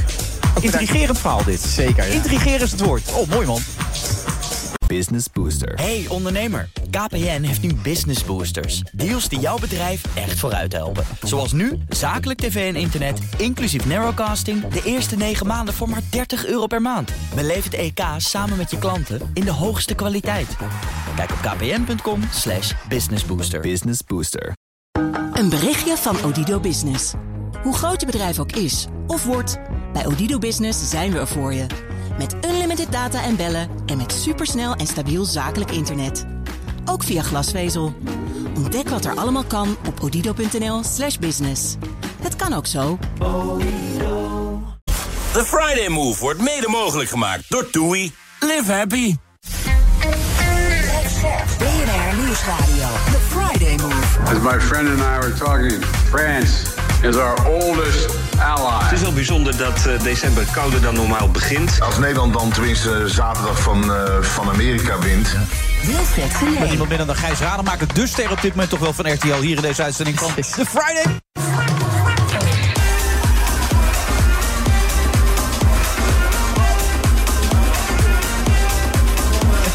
Ook eh, de co-host die zich goed heeft voorbereid. Dit heb ik nog nooit eerder meegemaakt. De boekwerken volgeschreven. We gaan nu het politieke blok behandelen. Dat doen we met niemand minder dan Michiel Suiker. Dus de voorzitter van de jonge organisatie van de VVD. De JOVD. En natuurlijk Leendert Beekman. Ja, daar is hij. Dankjewel. Ik heb net mijn eten gegeten, dus jij hebt toch genoeg genoteerd. Eh, Trap jij even af, Gijs. Nou ja, ik heb, het- ik heb het langste lijstje. Jij bij bent, op jou. de VVD, jij bent van de VVD, toch? Zelf? Ik ben, ben ik van de VVD? Waarom denk je, zie ik eruit als een VVD'er? Ja, je ziet, eh, daar zit- hè? Toch? Hij voldoet, aan, hij voldoet aan de eisen. Ja, Wat toch? zijn, wat, oh, wat zijn de eisen? Dat is een beetje je haar strak naar achter. Nou, dat Eh, komt omdat ik een koptelefoon op Jasje heb. aan, kooltrui. Nee, de kooltrui paste veel meer bij eh, GroenLinks. En het CDA liep op een gegeven moment veel met kooltrui rond. Eh, nee, de kooltrui associeer ik niet met de VVD. Weet je wat het grappige is? Al die elementen die hij nu zit op te noemen, die is, is niet bij jou zelf. Nee, maar ik probeer juist als onafhankelijke politieke jongerenorganisatie... Oh, jij bent helemaal niet van de VVD. Je bent een onafhankelijke politieke Hij ziet er toch jongerenorganisatie. razend en rechts uit, deze jongen. Ja, maar dat zijn niet de kenmerken die hij zo'n... eh, Hij vindt blijkbaar dat als je VVD... een rode broek aan had gehad, was het helemaal af geweest natuurlijk. Ja. Maar, hij ziet er echt wel uit als een, als een eh, rechtse bal, toch? Net dankjewel, ouderwets jij mag ook klokje. Als een rechtse bal? Eh, Nee, jij mag ook wezen als, eh, als, als een rechtse bal. Wat zeg je dat? Nou ja, je ziet eruit als een rechtse bal, zoals je erbij zit. Ik zie mezelf nu als liberale bal. Een liberale bal. Oké. Maar je bent dus niet van de VVD? Nee, natuurlijk ben ik, ben ik niet van enige partij. Ah, nou Dat man. jij toch? Jij bent toch niet dat opiniepeilers gaan lopen vertellen wat ze doen en wat ze vinden? Je bent toch ook een mens? Je hebt net verteld hoe je huilend het pand uit bent gelopen. Ja, dat is, dat is, weet je hoe heilig politieke voorkeur is? Dat is ook, dat is ook als het gaat om databewaring... een van de meest onzin heilige dingen in deze... Die hele FVD-app die, eh, die, die zo lekker is. Weet je waarom dat gevoelig is? Omdat het stemgedrag eh, eh, omvat. En, dat, en dat, dat is het gevoelige. Nee, Oh, je zult mij, van mij nooit horen. Over gevoelig trouwens, met het Forum voor Democratie, Ja. die geweldige app van ze. Dat is een beetje uit de hand gelopen geloof ik Dat al. is- Ja, dat is Ja. uitgelekt. Ja, dat is wel echt humor. Van wie was die primeur ook alweer? Eh, RTL. Oh, RTL Nieuws, ja. Ja. Daar werk jij nu toch, hè, als ster? Ja, toevallig. Ja. Maar de Ja, grap was dat natuurlijk al toen hij gelanceerd werd. Er zijn mensen die ontzettend bang zijn voor de digitale wereld. Ja. Gaan zich aanmelden voor een app. En nu is ook nog de boel uitgelekt. Nou, nee, serieus. Het is natuurlijk een hele gevoelige partij om lid van te zijn. Dat zeg ik zonder eh, oordeel over de partij zelf. Maar in de samenleving is dat gevoelig. Het kan heel gevoelig liggen. En dat, en, en dat is natuurlijk extra eh, hard. Hè? Als er 92.000, eh, mogelijk 92.000 adressen uitlekken. Van een partij waarvan mensen misschien niet willen. Kijk, als je nou lid van de Partij, Partij van de Arbeid of van GroenLinks of van de VVD. Hè? Om maar een partij te noemen die hier toevallig aan tafel zit. Dan kan, je, dan kan je over straat nog steeds. Nou, k- voor het gevoel van veel mensen eh, is dat zo. Denk Maar ik. die hele partij is op zichzelf ook heel ironisch natuurlijk. Want ze zeggen dat ze tegen een partijkartel op zichzelf zijn. En vervolgens maken ze een kartel door zo'n app te installeren, installeren waar je dan als FVD'er jezelf thuis kan En ze voelen. willen toch veel verder gaan. Ze willen een hele zeil willen ze maken met eigen geld. eh, Eigen scholen. Forum eigen zegt toch gewoon iedereen, iedereen kan meedoen? Dat is toch geen kartel? Iedereen mag meedoen. Nee, er moet er gewoon een partij tegen dit partijkartel komen. Maar goed, al eh, we kunnen ook een JOVD. beetje, beetje bescheiden beginnen. Even excuus aanbieden. Excuus aanbieden aan, aan, aan het slavernijverleden. Daar ben je helemaal voor, begrijp ik toch, Michiel? Nee, Dat vind jij een heel goed idee. ik, ik- we- de, Jawel. onze, discussie Goed ligt idee, heel erg, eh, onze discussie ligt heel erg in het feit dat excuses maken niet de oplossing is. En dat het gaat over dat je mag erkennen, maar dat we die moeten verwarren met excuses maken. En dat we nu heel erg doen dat op het moment dat we niet die excuses maken, dat we geen erkenning hebben. En dat we heel erg daar iets heel groots van maken. Dus wat Mark Rutte nu aan het doen is, daar ben je uh, valikant op tegen. Ja, absoluut. absoluut. Hij snapt er niks van, Mark. Nou, ze, kijk, ze moeten zich focussen door bijvoorbeeld wat ze nu doen, niet naar Qatar gaan, wat ze natuurlijk wel zijn gegaan. Dat is moderne slavernij. Connie Helder, een heel klein eh, speeltje op. hè? Dus hoe geloofwaardig is het nou dat je wel naar Qatar gaat waar je op dit moment slavernij ziet, maar vervolgens dan wel weer sorry gaat zeggen voor iets van het verleden? oké, maar wacht even. Hoe geloofwaardig is het, eh, om even in jouw terminologie te blijven... Wilfred neemt er een hap van zeten. Hoe geloofwaardig is het als jij zegt... we moeten wel informeren, het is wel belangrijk om te praten over het slavernijverleden... we moeten, we moeten kinderen eh, dat leren op school. Waarom dan niet die extra stap zetten en gewoon excuses aanbieden? Wat is het probleem met het aanbieden van excuses? Het is een klein stapje. Ja, maar het gaat niet alleen maar over, want dat is natuurlijk het ding. Het is een beetje excuses en door en dan hebben we het maar gehad. Hoezo? Volgens mij dat, moet het dat is jouw formulering. Het is gewoon excuses aanbieden voor iets wat in het verleden verkeerd is gegaan. Nou, Er wordt, en dat is ook gewoon niet waar. Er wordt namelijk heel veel geld vrijgemaakt. Juist om scholing te geven. En te 200 informeren. Ja, dus ehm, het is niet zo dat als de excuses aangeboden worden... dat het dan weer verder gaan is. Nee, er is nog 200 miljoen. Precies. En op zichzelf is dat hele onderwijzen, dat is een goede vooruitgang. Hè? Dus de bewustwording creëren. En dan even terugkomend op wat Gij zegt inderdaad. Je moet je wel blijven afvragen van de groep die er nu is... die eigenlijk vindt dat we dingen aan nu moeten gaan doen. Niet constant terugkijken naar wat er is gebeurd. Hè? Daarmee vooruit gaan en niet alleen maar bezig zijn met wat er is geweest. Ja, maar jij vindt het symboolpolitiek? Symboolpolitiek, ja. Dus je moet de jeugd vooral een beetje eh, onderwijzen, vertellen wat er gebeurd is. Moet meer op de kaart gezet worden. Maar dit slaat eigenlijk helemaal nergens op. Ja, goed voor. Ja, sorry hoor, symboolpolitiek.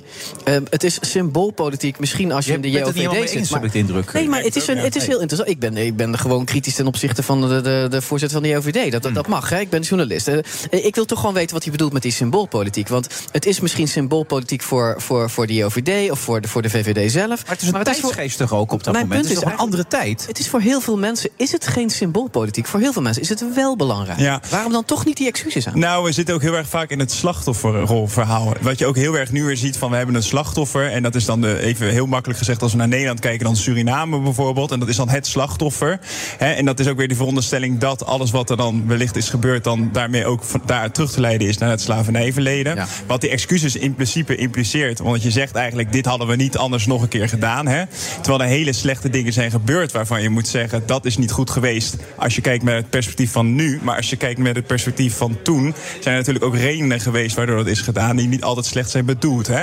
Dus daar zit die nuance. En constant maar zeggen dat excuses maken dan daarmee ook hetgeen is wat je zou moeten doen. Dat geloof ik niet. Wat je zou moeten doen is zorgen dat het nu beter gaat. En dat is door je bezig te houden met hoe gaat Suriname erop vooruit. En hoe zorg je nou dat landen als Qatar niet de hele tijd last hebben van eh, moderne slavernij. Ik ben historicus en ik heb me gespecialiseerd in de geschiedenis van Suriname. En ik vraag me dan, ja, ik vraag me toch echt af wat je bedoelt met eh, niet alles zal even slecht bedoeld zijn en er zullen ook goede ideeën achter gezeten hebben. Want volgens mij de hele slavenhandel was in ieder geval het doel daarachter wel vrij duidelijk. Daar ben ik het mee eens. Of daar echt hele goede, verder hele goede ideeën achter zaten, Nee, daar dat ben, weet ik ik mee eens. eigenlijk daar niet. ben ik mee eens. Maar het is natuurlijk, en dat moet je als historicus ook weer allemaal vanuit een tijdsbesef gebeurd. Ja, natuurlijk is het vanuit een tijdsbesef gebeurd. En daarom is het zo belangrijk om nu excuses aan te bieden. Omdat Jij vindt het ook belangrijk. We hebben nu al Ja, twee mannen vind die het- de ja, kant van de vind tafel zitten die het belangrijk vinden. Omdat het namelijk nog niet voorbij is. De, het slavernijverleden dendert door in de samenleving. En institutioneel racisme is alom aanwezig. En dat los van elkaar zien, in mijn ogen, eh, kan je eigenlijk niet doen. En het excuses aanbieden is erkennen dat, hè, dat het gebeurd is. En ook erkennen dat het nu nog steeds in de samenleving door. Maar je hebt het gevoel dat het niet erkend wordt dan? Dat het gebeurd is? Ja, het, is het gaat, om, eh, het gaat niet om, om mij. Hè. Het, het gaat erom wel dat mensen zoals ik... Hm? ze beseffen dat er iets gebeurd is. Maar het gaat erom dat wij erkennen naar de Surinaamse gemeenschap... of in ieder geval de, hè, de tot slaafgemaakte... De, de, de mensen die daarvan afstammen. Van ja, we erkennen het leed dat gebeurd is. En wij beseffen ons ook nog dat in onze huidige samenleving. we daar nog steeds de gevolgen van voelen. en de gevolgen daarvan aanwezig zijn. Dat Maar is wat er moet gebeuren. Ik, ik zeg op geen enkel moment dat ik het niet erken. Hè. Laat dat Nee, even dat voorop zou ik ook staan. Het enige wat ik zeg is dat excuses maken weer net iets anders is dan erkennen. En dat verschil vind ik blijven belangrijk vinden. Want ik wil niet hier neer zitten dat ik iets zou hebben erkend wat wel echt zo is geweest. Nee, en laten we het even in perspectief zetten. Want ehm, ehm, eh, wat jij zegt, wordt natuurlijk door een heleboel mensen gevoeld. Het, het argument wat jij, wat jij levert, namelijk we kijken te veel naar het verleden. We beoordelen, met, we beoordelen met de criteria van nu. Beoordelen we iets wat in het verleden heeft plaatsgevonden. Ehm, dat is een argument wat ik in peilingen natuurlijk al, al, al twee, drie jaar sinds deze discussies begonnen heel erg terugzie. Heel veel mensen vinden dat. Maar tegelijkertijd wou ik je dan nog één vraag stellen als het mag, eh, Wilfred. Tuurlijk, wel twee Eh, a- ook, hoor. Als, je- als, je, als je kijkt naar, naar, ehm, naar, naar, naar dit argument, dan zou je, je, bent, je bent van de JOVD. Klopt. Gelieerd aan de VVD, de grootste partij van het land. De partij die toch al heel lang in de regering zit. En dan zou je kunnen zeggen, ehm, als je. ehm, hier een rol in wil spelen. Je, kan, je longt eigenlijk heel erg naar eh, eh, kiezers rechts in het spectrum op dit moment. Hè? Conservatieve eh, rechtse kiezers. Kiezers die bijvoorbeeld nu of de rechterkant van de VVD zitten, maar ook vaak ja 21 en de PVV zouden stemmen. Daar kijk je naar. Maar je zou natuurlijk ook kunnen zeggen, als partij, grootste in het kabinet, je kan ook de samenleving bekijken. En de samenleving leiden naar een punt waar die samenleving zich hoe dan ook heel langzaam onherroepelijk naartoe beweegt. En dat is naar het, naar het ja, toch een beetje naar die excuses. En, en, en, en naar die discussie over slavernij. Eh, wa- Wat jij zegt, dat, dat, dat voelt voor mij als twee jaar geleden. Ja, maar wat, wat voel je dan dat die. Wat voel je dan waar het excuses dan nu vandaan komt? Maar het, je, je begineert helemaal vanuit jezelf. Jij wil weten wat het voor jou zou opleveren als er excuses aangeboden worden. Maar het gaat dus niet om jou. Dat moet je proberen te beseffen. Dat het niet om jou gaat. Het gaat om de mensen waaraan je je excuses aanbiedt. Dus om dat helemaal vanuit je eigen perspectief te bekijken. Ja, oh, En wat hebben wij als Nederlandse samenleving eraan? Hè? Als blanke, hoogopgeleide witte man.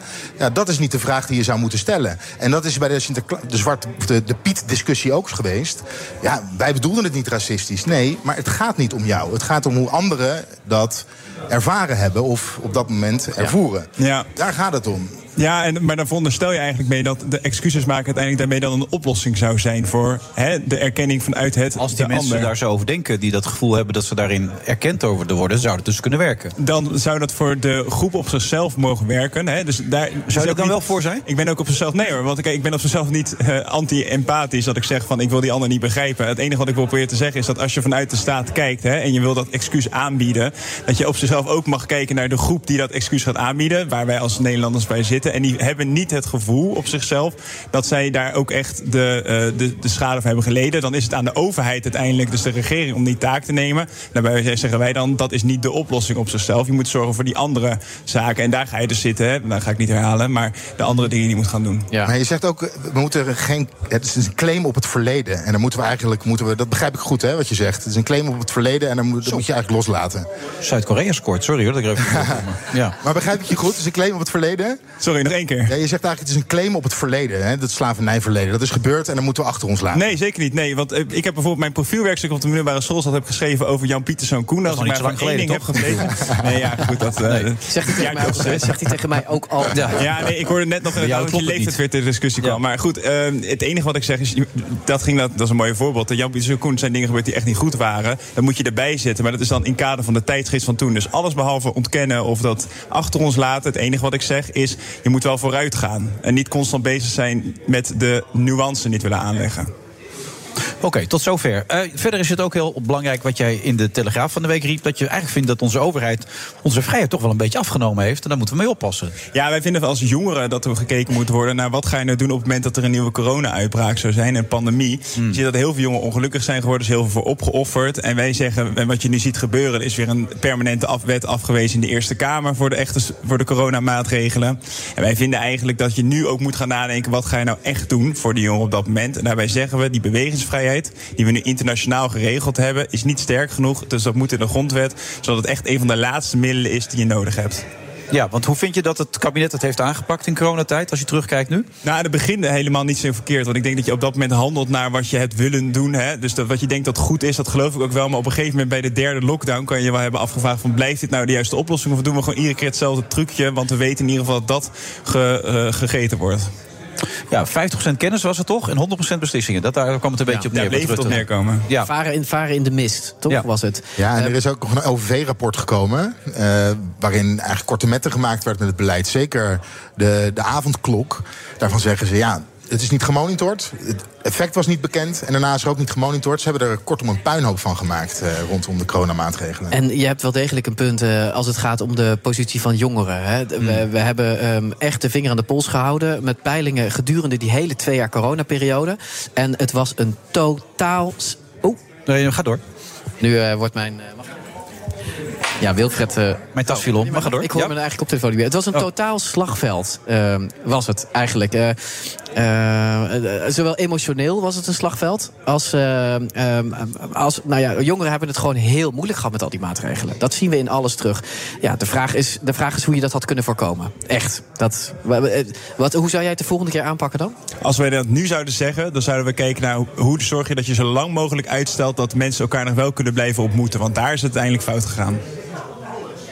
Uitstelt dat ze elkaar kunnen ontmoeten. Juist de mogelijkheid bieden dat ze elkaar kunnen ontmoeten. Excuus, inderdaad. Dat is wat je Zo- dat, dat je zo lang mogelijk wel kan blijven doen. Want uiteindelijk zit je dan op je zolderkamertje en voor je het weet de, word je ongelukkig. Kijk je in de spiegel, vind je jezelf weer te dik. En dan op, op een gegeven moment word je depressief.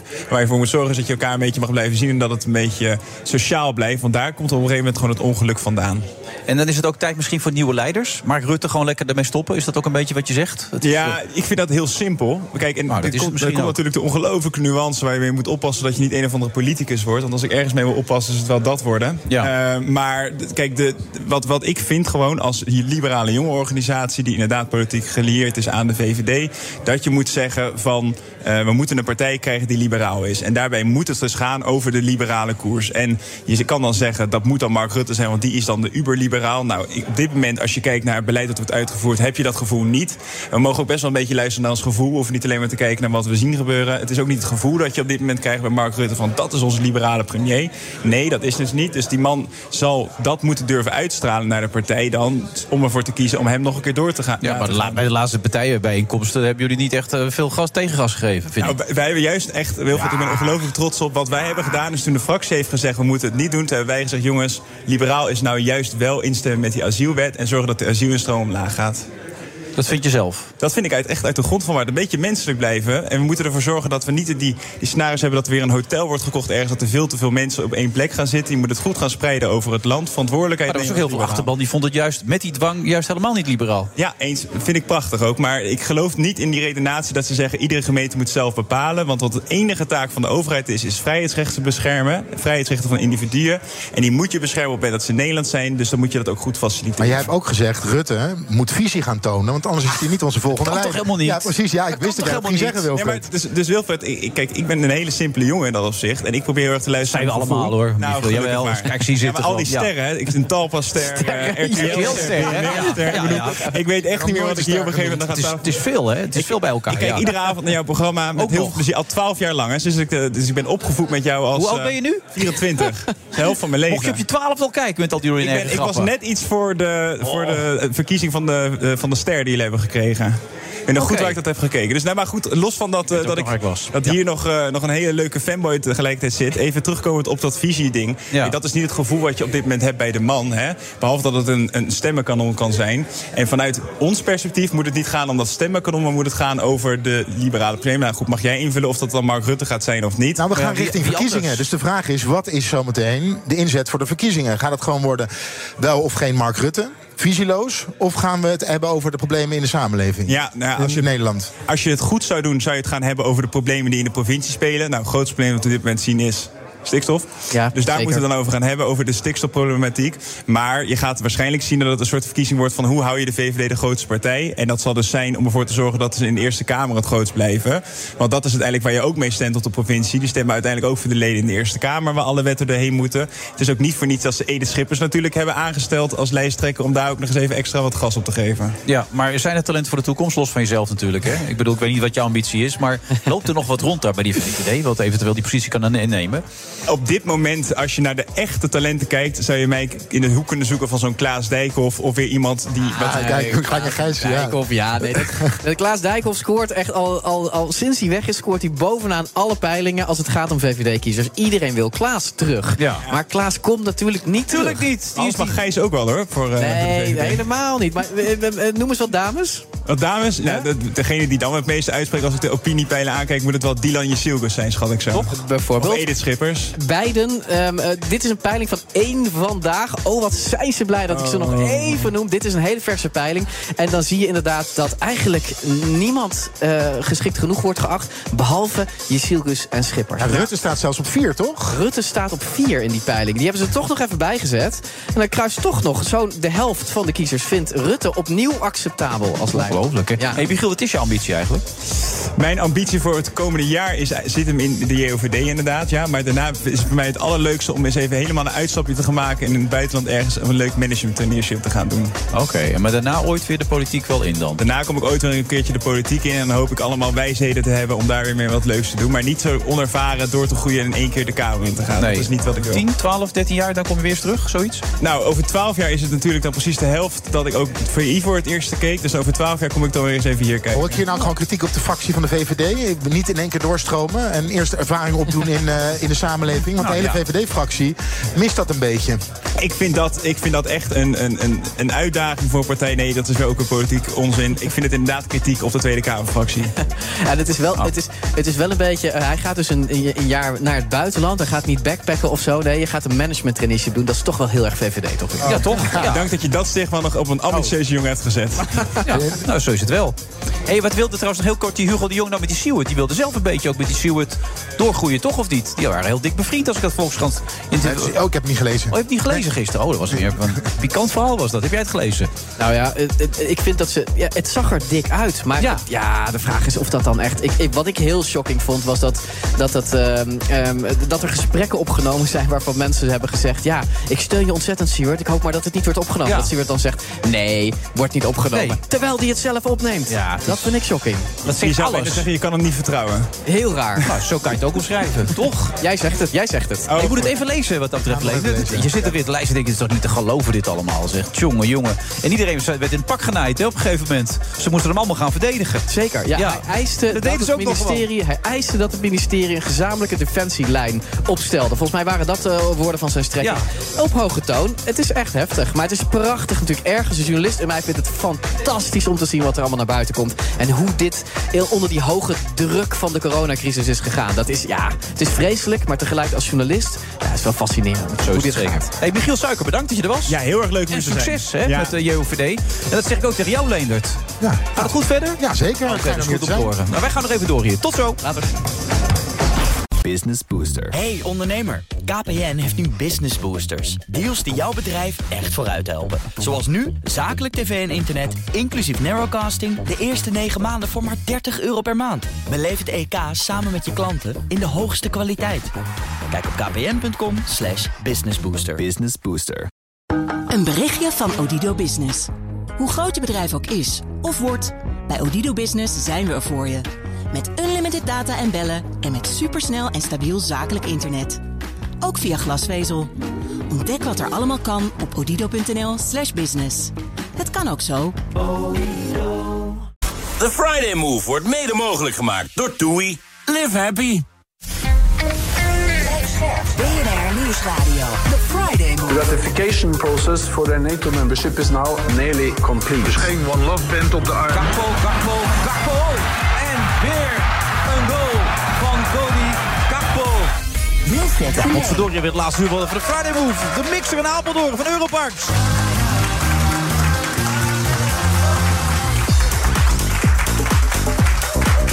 Stemming zit er goed in, dat merkt u wel hier bij Europarks. Had ik al Toei gezegd. Toei heb ik ook nog niet genoemd volgens mij. En verder heel belangrijk natuurlijk onze eigen DJ. DJ Thomas Robson, die gooit er nog even een lekkere beat tegenaan. Voordat hij ergens gaat snappelen. Waarschijnlijk vanavond in Amsterdam. Kan haast niet anders. DJ Thomas een klein beetje kennende. En nog steeds aan tafel bij ons. Daar ben ik best wel blij mee, Gijs. Je bent niet weggelopen. Gijs Rademaker. Nee. Oh, je hebt nu iets in je mond. Ik ben aan het eten, ja, dat heb je met Robert aan tafel. Is het, Ja, het dat is ene Robert lekker schuld natuurlijk. Ja. Ja, Robert van Becko, waarom doe je dat altijd, dat het schijntjes? Altijd maar eten meenemen. Ja. Ja, dat is toch gastvrij? Dat heb ik van jou geleerd. Oh, sorry. Ja, jullie zijn altijd vergis je hier met iemand dan, denk ik. Nee, nee, ik kwam net binnen, ik krijg meteen wat te drinken, eh, iets aangeboden. Dus... Europarks is dat, hè? Oh, Ja. en dit was niet jouw idee. Of toei. Nee, eh, de- mijn mensen die hier ook allemaal werken, die zijn altijd heel warm en gastvrij. Ja, zeker. Een beetje dus dan neem ik wel lekkers mee. De warmte die ik een beetje Het is toch mijn vak. Ook. Hey, jij- jij, bent vooral van de Chinese keuken thuis, mag ik aan. Oh ja, zeker. De Chinese keuken is de beste ter wereld. Want jij hebt van je vrouw, die Chinees is, heb jij leren ja, eten en leren eten waarderen. Daarvoor vond je het niet zo belangrijk. Nee, weet je, wij zijn. Ze is overigens. eh, ja, ik weet wat je bedoelt. Ze is een Nederlandse van Chinese origine. Haar ouders zijn eh, afkomstig uit Hongkong, inderdaad. Ja, Ja, maar dat maakt het toch behoorlijk Chinees nog Ja, nee, ja, precies. Ja. heeft ook een Chinese naam. Ja, ze heeft zeker een, Yang heeft zeker een Chinese naam. Ja, ja. Ja. En eh, ja, je hebt gelijk, weet je. eh, Wij zijn opgegroeid, ik ben opgegroeid met het idee dat eten gewoon... een Nederlands gezin, eten is eigenlijk een hinderlijke onderbreking van je werkzaamheden. Dat is eigenlijk wat eten voor Nederlanders vaak is. Ik Ja. kijk even niet naar de verwijtende blik die Robert mij nu toewerpt. Nee, dat is ook niet. Eh, Maar het- het- ik heb dat moeten leren. Ik heb eten waarderen, heb ik dus moeten leren. En zij heeft me dat geleerd. We zijn nu al 25 jaar samen. Zo. Dat komt omdat ik zo oud ben. En eh 25 jaar samen. En in die 25 jaar heeft ze me echt leren eten. En ik ben nu zo ver, Wilfred, dat we zelfs soms gewoon naar een stad reizen. Omdat daar een restaurant is waar we gewoon lekker gaan eten. Dus ik ga gewoon op, op reis om te eten. Maar ben je vanaf je negende al met je vrouw dan? Jezus. Dat is toch niet te geloven? Dat is echt Schrikkelijk. Je was er echt vroeg bij dan, zeg, vanaf je negende. Je wint het niet van jongen, hem, Robert. jongen, jongen. Ik win wint het niet dit allemaal. Ik probeer maar het wat het leukste 2,5 verhaal is nog steeds... is... de eerste keer dat je bij je schoonvader kwam... wat had hij voor je klaargezet? Ja, dat weet jij nog. Hij, hij had eende, eende voetjes klaargezet. Dus Eendenvoetjes? hij- Ja, dus hij keek me stoïcijns aan en hij zette een- zo'n zo'n soort emmer voor me neer. En die zat vol met eendenpoten. Dus Gebakken? De, de, ja, ge- ik denk gekookt eigenlijk. Eh, Gekookte ja, eendenpootjes? Ja, dus het zijn echt van die poten. Je moet je voorstellen dat van die, met van die zwemvliezen Ja, met die vliesjes Ja, een stuk of twintig van die dingen. Dus hij zet neer en hij, hij leunde achterover. En hij dacht, ja, eens kijken wat er gebeurt. Ik heb die dingen gewoon opgegeten. Hij probeerde die weg te jagen, Hij hè? probeerde me natuurlijk eigenlijk weg te Ja, jagen. hij Ja, vond look, look at me, zo'n raar jongetje komt dus zijn dochter, een bloedmooie dochter, komt thuis met zo'n ja, zo'n figuur als- ik. ik zou ook meteen iets doen als ik, als ik hem was. Het is niet gelukt. Nee, maar dat vond hij wel stoer, toch, dat je ze op had? Hij vond het, denk ik, weet je, weet je dat we het er nooit over gehad hebben? Maar ik denk, hè, ik denk stiekem dat dit. De volgende vraag was: wanneer ben je precies geboren en op welk tijdstip? En toen wist ik eigenlijk dat ik al met één voet binnen was. Want dat betekent In één dat, ze, dat, ze dat ze je karakter gaan checken. Hè? Dus te kijken of je wanneer je geboren bent. Dat, Ja. Ga je naar de keuken, het jaar van de, de, de geit of zo. Waarschijnlijk hebben ze gelijk opgezocht natuurlijk. Het paard in mijn geval. Het paard? Ja. Ja. het is toch waar ook, zeg. Die zijn gelijk naar de keuken gegaan, zoeken, zoeken, zoeken. Ja. Zo gaat dat. Goed dat je er bent, Robert. Ja, dankjewel. Want het gaat, het gaat ook goed met jou, hè?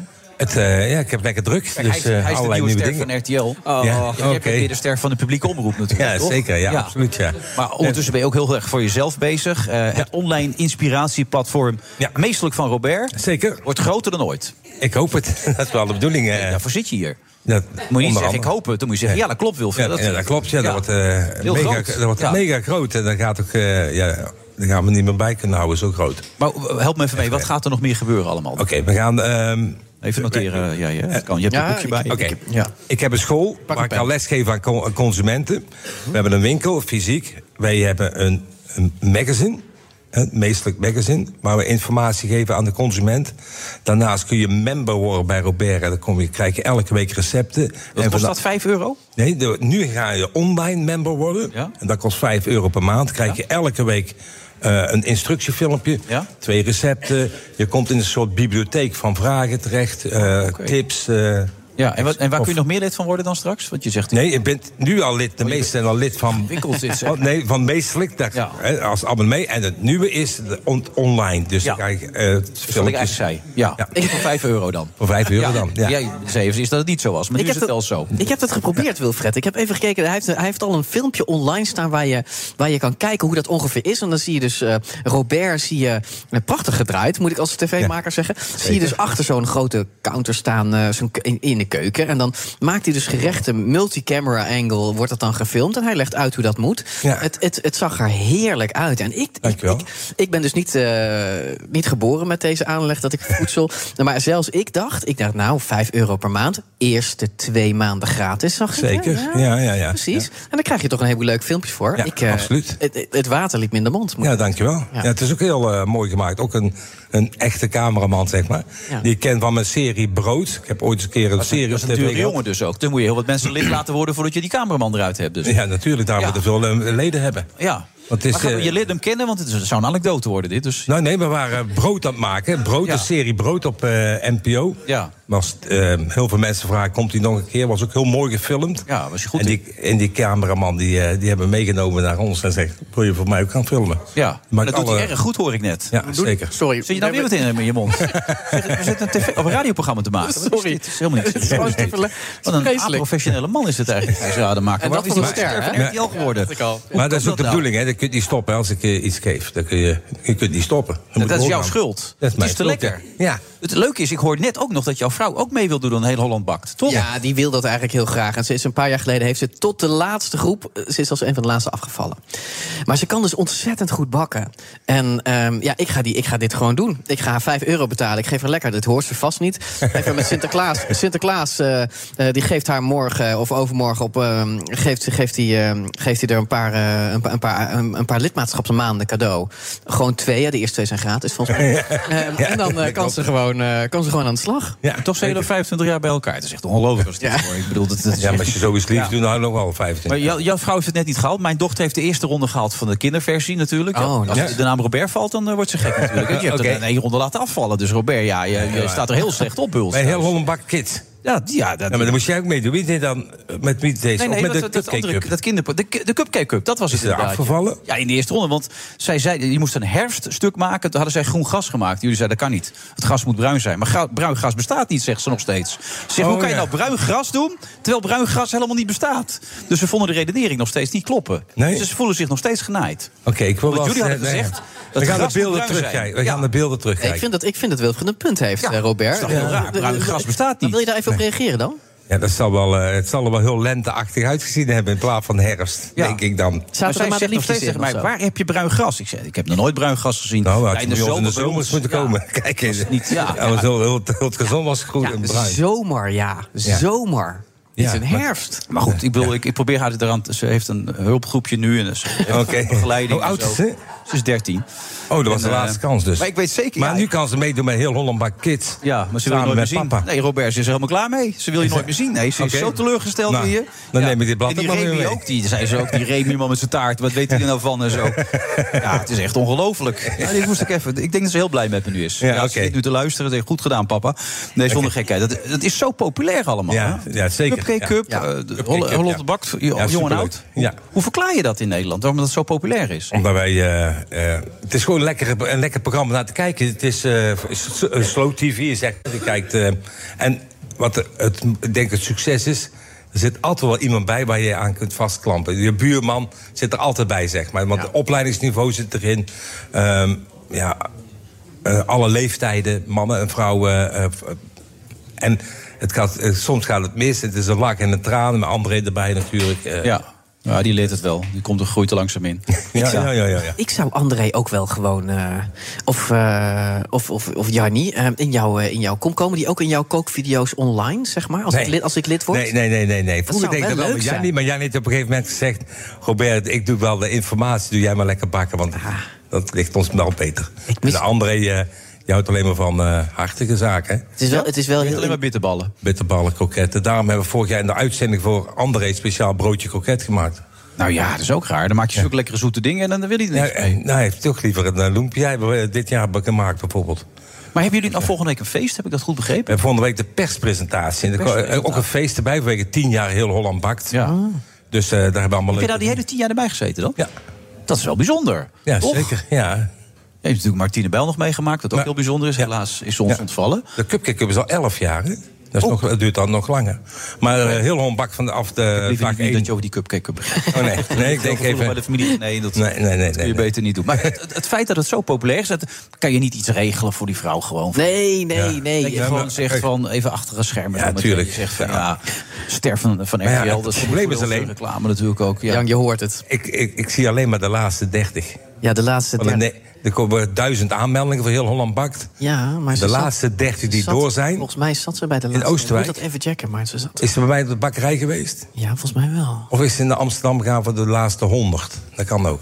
Dat is de één na laatste ronde. Ik ga dit voor je uitzoeken, tot op de bodem gewoon. Ja. Jan, Jan als ik of-. Ja, dan, dan kan- is het dus wel goed. Dat heb ik ook tegen mijn Ja. dochter gezegd. Je zat wel, je hebt ook nog eh, de eerste ronde op tv meegemaakt. Dan Ja. moet je ook al tussen uit duizend kinderen of zo weten. Ja. Dat is best wel knap, weet je. Je, Ja, moet ook- je moet het omdraaien ook. Positief bekijken. Hartstikke goed gedaan. Hey, met jou gaat het als een tierenlier. Hè? Dat, Ja. dat, dat, dat platform kun je lid van worden, heb ik net gehoord. Vijf Ja, euro. kost, dat is niks, hè? Nee, dat is echt niks. Nee. Mooi gedraaide filmpjes. Ja, ja, zeker. Een blad is er al, eh, op allerlei manieren. Maar in de bakkerijwereld hebben heel veel mensen het zwaar met die energieprijzen enzovoort. Zeker wij ook. Hoe is, ja, dat hoe is dat voor jou? Ja, hetzelfde. Wij zijn volgend jaar eh, 100.000 euro meer kwijt. 100.000 euro? Ja, maar die heb ik niet, hè? Je hebt allemaal die speeltjes gestopt nou. Ja, heb je die cameraman betaald? Ja. Maar, eh, Maar even serieus, serieus. Moeten, we gaan lappen? Nee, maar het is, het is niet alleen... eh, het is een heel breed, hoor, als we dan dat toch over hebben. Ja. Je hebt de, de bakkerij, de grondstoffenprijs... een boterdeeg. Voor, voor, we hebben zo'n calculatiesysteem in de bakkerij. Dat kunnen we bijhouden. Ja. Een boterdeeg kost 32 euro vorig jaar. Nu 54 euro. Dezelfde boterdeeg. Eh, volgend jaar gaan de lonen eh, bijna 10% stijgen. Lonen, 10%. Dan, dan hebben we nog de, de energieprijzen. Wilfred zat meeschrijven. Ik- Ja, zeker. noteer alles even. Maar dan kun je even voorstellen dat die... die Je bent failliet. Huls- Ja, Als ik het zo allemaal opstel, dan als je is het alles... klaar. Nou Ja, dat klinkt een beetje, daar kunnen ze soms om lachen. Maar, Nee, maar het is- op, dit van- moment, op dit moment werkt de bakker voor heel weinig geld. Daarom stoppen er heel veel. Want mensen die al van plan waren om te stoppen... Die zeggen, nou, ik ga die laatste drie jaar niet al mijn geld opmaken. Ik stop er nu mee. Maar dat is wel verdrietig. hè? In Noord-Holland is er eentje die is van 120 jaar familietraditie. Is er een maand of twee geleden mee gestopt. Een van onze vaste visagisten, die, die- haar man heeft dat bedrijf ook al 80 jaar via de familie. Die moeten allemaal bakkerijen ook gaan sluiten. En eh, dagen dicht enzovoort. Dus diep triest hè, allemaal. En ze Maar het- horen nog steeds niks hè, over steun. En, ik weet niet hoe het Nee, voor jou nee helemaal niks. maar- Ja, maar dat was me ook. eh, maar zul je, als je het daar echt over wil hebben. Mijn vrouw is natuurlijk algemeen directeur. Die zit daar continu bovenop. Ook met die, eh, met die ook. corona.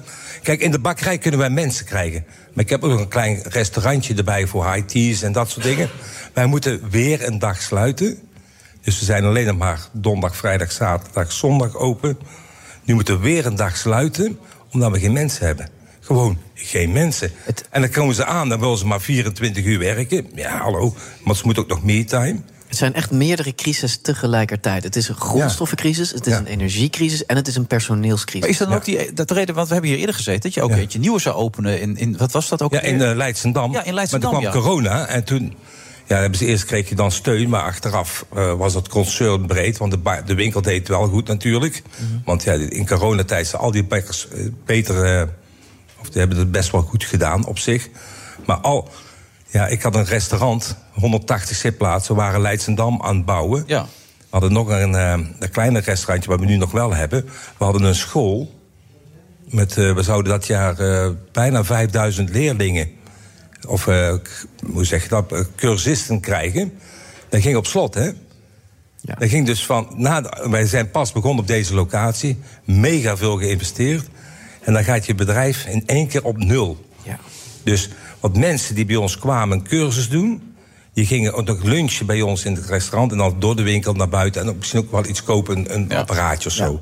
Ja, die hele ketting stond stil. Ja, alleen de winkel nog. Er bleef nog maar 35% over in de winkel. En dan moet je anders gaan ondernemen, want anders ga je terecht aan. Dus we zijn dit, dit gaan opjagen.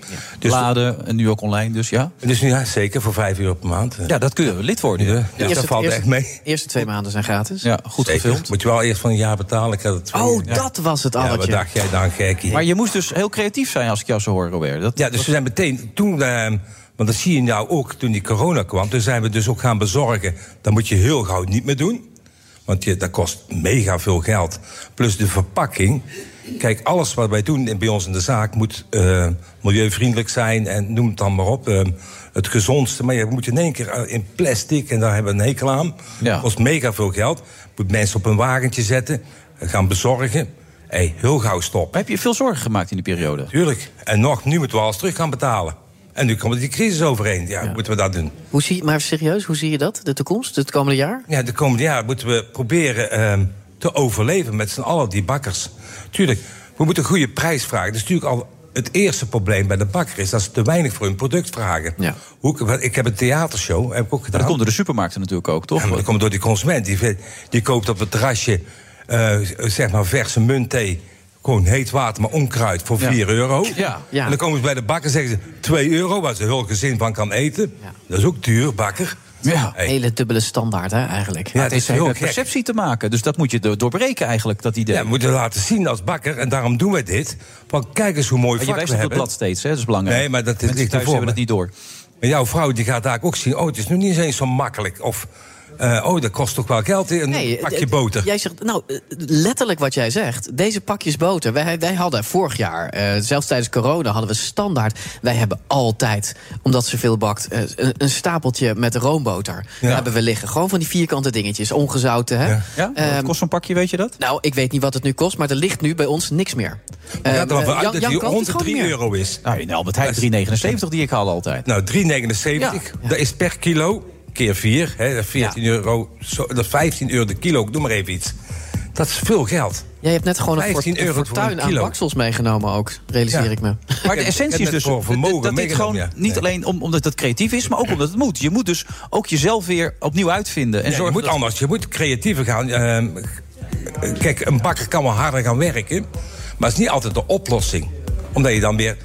Hè, tegenwoordig mensen zeggen wel eens... Maar ja, ik moet 100 appenflappen hebben. Krijg ik korting? Ik zeg nee, we krijgen grootschaligheidstoeslag in plaats van korting. Ja, ja, ja. Ik moet een overuur maken. Ik moet mijn verpakking Hoe, hoe Ja. zie je dat voor je? Je bedoelt eigenlijk, de, de bodem is gewoon... we moeten eh, eh, bakken meer gaan waarderen... en dus ook bereid zijn er meer voor te betalen. Dat, eigenlijk is dat de enige uitweg, vraagteken, die jij En we ziet. moeten gezonder. Kijk, ik weet dat jij ook van de suiker bent. Maar als je een keer bij ons zou komen, dan zie je dat wij. Mijn vrouw is wetenschapper, bioloog. Dat wij brood bakken zoals dat duizenden jaren geleden deden. Dat we gebak maken met minder suiker. Gewoon zoals het hoort. Weet je wel? Maar als wij niet willen betalen voor een product, dan gaan ze dus vulmiddelen. Want ja, weet je wel. Dan gaan ze om langer houdbaar te maken, om het beter maar niet beter verteerbaar. Het moet gewoon puur zijn, dat is wat je zegt. Het moet Ja. zo puur mogelijk. Dan is het heel gezond brood en dan heb je er ook geld voor over, word je ook beter van. En dat kun je allemaal leren, ook als je dat online platform opzoekt... van de meesterlijk van Robert. Ja, dat ben vijf jij euro dan. per maand. En dat- vijf euro, is dat zo? Ja. Dat is geen geld. Maar als je van nul jaar Nee, betaalt, is is het de eerste twee maanden gratis. Ja, dat eerste twee maanden gratis Dat hoorde nog. ik, ja. Ja. En mooie Ja. filmpjes. Goed gedraaid enzovoort. Die gast is goed, heb ik gehoord. Ja, dat is echt heel Ga ik goed. hem één keer inhuren, dan wil ik ook een mooi filmpje maken. Gewoon, ik weet niet waarvan. Ja, we maar doen. Hartstikke leuk allemaal. Zeker. Ja. Nee, maar goed, goed dat je het even uitgelegd hebt. Ook goed dat je de andere kant. Want mensen Ja. zien op tv natuurlijk, bij Holland Bakt... altijd vrolijke man. Hè? Ja, natuurlijk. Eh, het, het moet altijd vrolijk zijn. Het moet Maar het altijd is ook wel feestelijk laatst zijn. was een mevrouw in de winkel. En toen vertelde ik dat. pff, moet ik nou medelijden met jou krijgen? Ik denk, ik ga maar weg. Want ja. Ja, je bent gewoon een hardwerkende ondernemer. Die ook iets op tv toevallig erbij doet. Maar in eerste instantie een eigen organisatie, een eigen bedrijf heeft. Dat moet overleven. Daar komt natuurlijk, weer. daar moet er tegenaan. Ja, Nou, zo werkt dat. Heel veel sterkte. Ja, dankjewel. Ja, Jullie ja, ook. wordt toch pittig. En je gaat dan En, eh, gewoon door naar die twee maanden, neem ik aan, toch? De- hè, gewoon het online platform. Vanaf nu, nu, heb je- nu denk je nou... Want die ja, mensen hier ook. Europarks, allemaal gewoon als zo'n online platform. tuurlijk. Hartstikke goed. Krijg voor mij gewoon een jaarabonnement hoor. Ja, heel goed. Je houdt echt van hè? Zeker. Och, Maar gaat ze ook heel lekkere dingen voor je bakken. En van de Dat baksels, zeker. Ik heb Ja. gezien wat hij wat die, wat die, wat die aan gaat bieden, die, eh, die Robert, voor december, voor, het kerst, eh, voor de kerstlunch en de Ja, kerstbrunch. kerstdessert. Helemaal goed. Fantastisch. Zeker goed. Goed dat je er was, Robert. Ja, leuk om te zijn nog een leuke avond, heb ik begrepen ook. Hè? Met ja. intimie enzovoort. Ja. Geniet daarvan. Doe ik zeker. Wat ga jij nog doen vanavond? Ik ga denk ik even voetbal kijken. Oh ja, dat is Ja. voetbal ook. Wie voetballen vanavond? Weet je dat ik dat niet... Brazilië speelt sowieso vanavond. Oh, dat oké. beetje kan nog even kijken. Nee, ja, Gisteravond was dat spannend, hè? Ja, dat was fantastisch. Ja. De beste voetbalavond in jaren. Ja, zeker. en niet omdat Duitsland verloor, want ik vind Nee. Duitsland een fantastisch team. Ik ook. En ze, Maar- ze verloren overigens niet, maar ze verloren uiteindelijk wel. Nou, ja, Brazilië. Oké, dan jongens, bedankt. Leuk dat jij er ook was. En Ik had gewoon een talpaster aan tafel. Dat zijn toch wel momenten in mijn carrière. Gijs Raadmaker. RTL-ster, geen talpas. Oh shit, een vergissing, Ja. maar dat ben ik zelf. Ja. Oké, goed dat je er was, Gijs. Jij ook bedankt, Robert. En volgende week zijn we er weer. En dan zitten we op de Expo Masters volgens mij dan. Toch ja? Eh, Masters Expo moet ik zeggen trouwens. In de rij. Tot volgende week. The Friday Move wordt mede mogelijk gemaakt door TUI. Live happy. Business Booster. Hey ondernemer, KPN heeft nu Business Boosters. Deals die jouw bedrijf echt vooruit helpen. Zoals nu, zakelijk tv en internet, inclusief narrowcasting... de eerste 9 maanden voor maar 30 euro per maand. Beleef het EK samen met je klanten in de hoogste kwaliteit. Kijk op kpn.com slash businessbooster. Business Booster.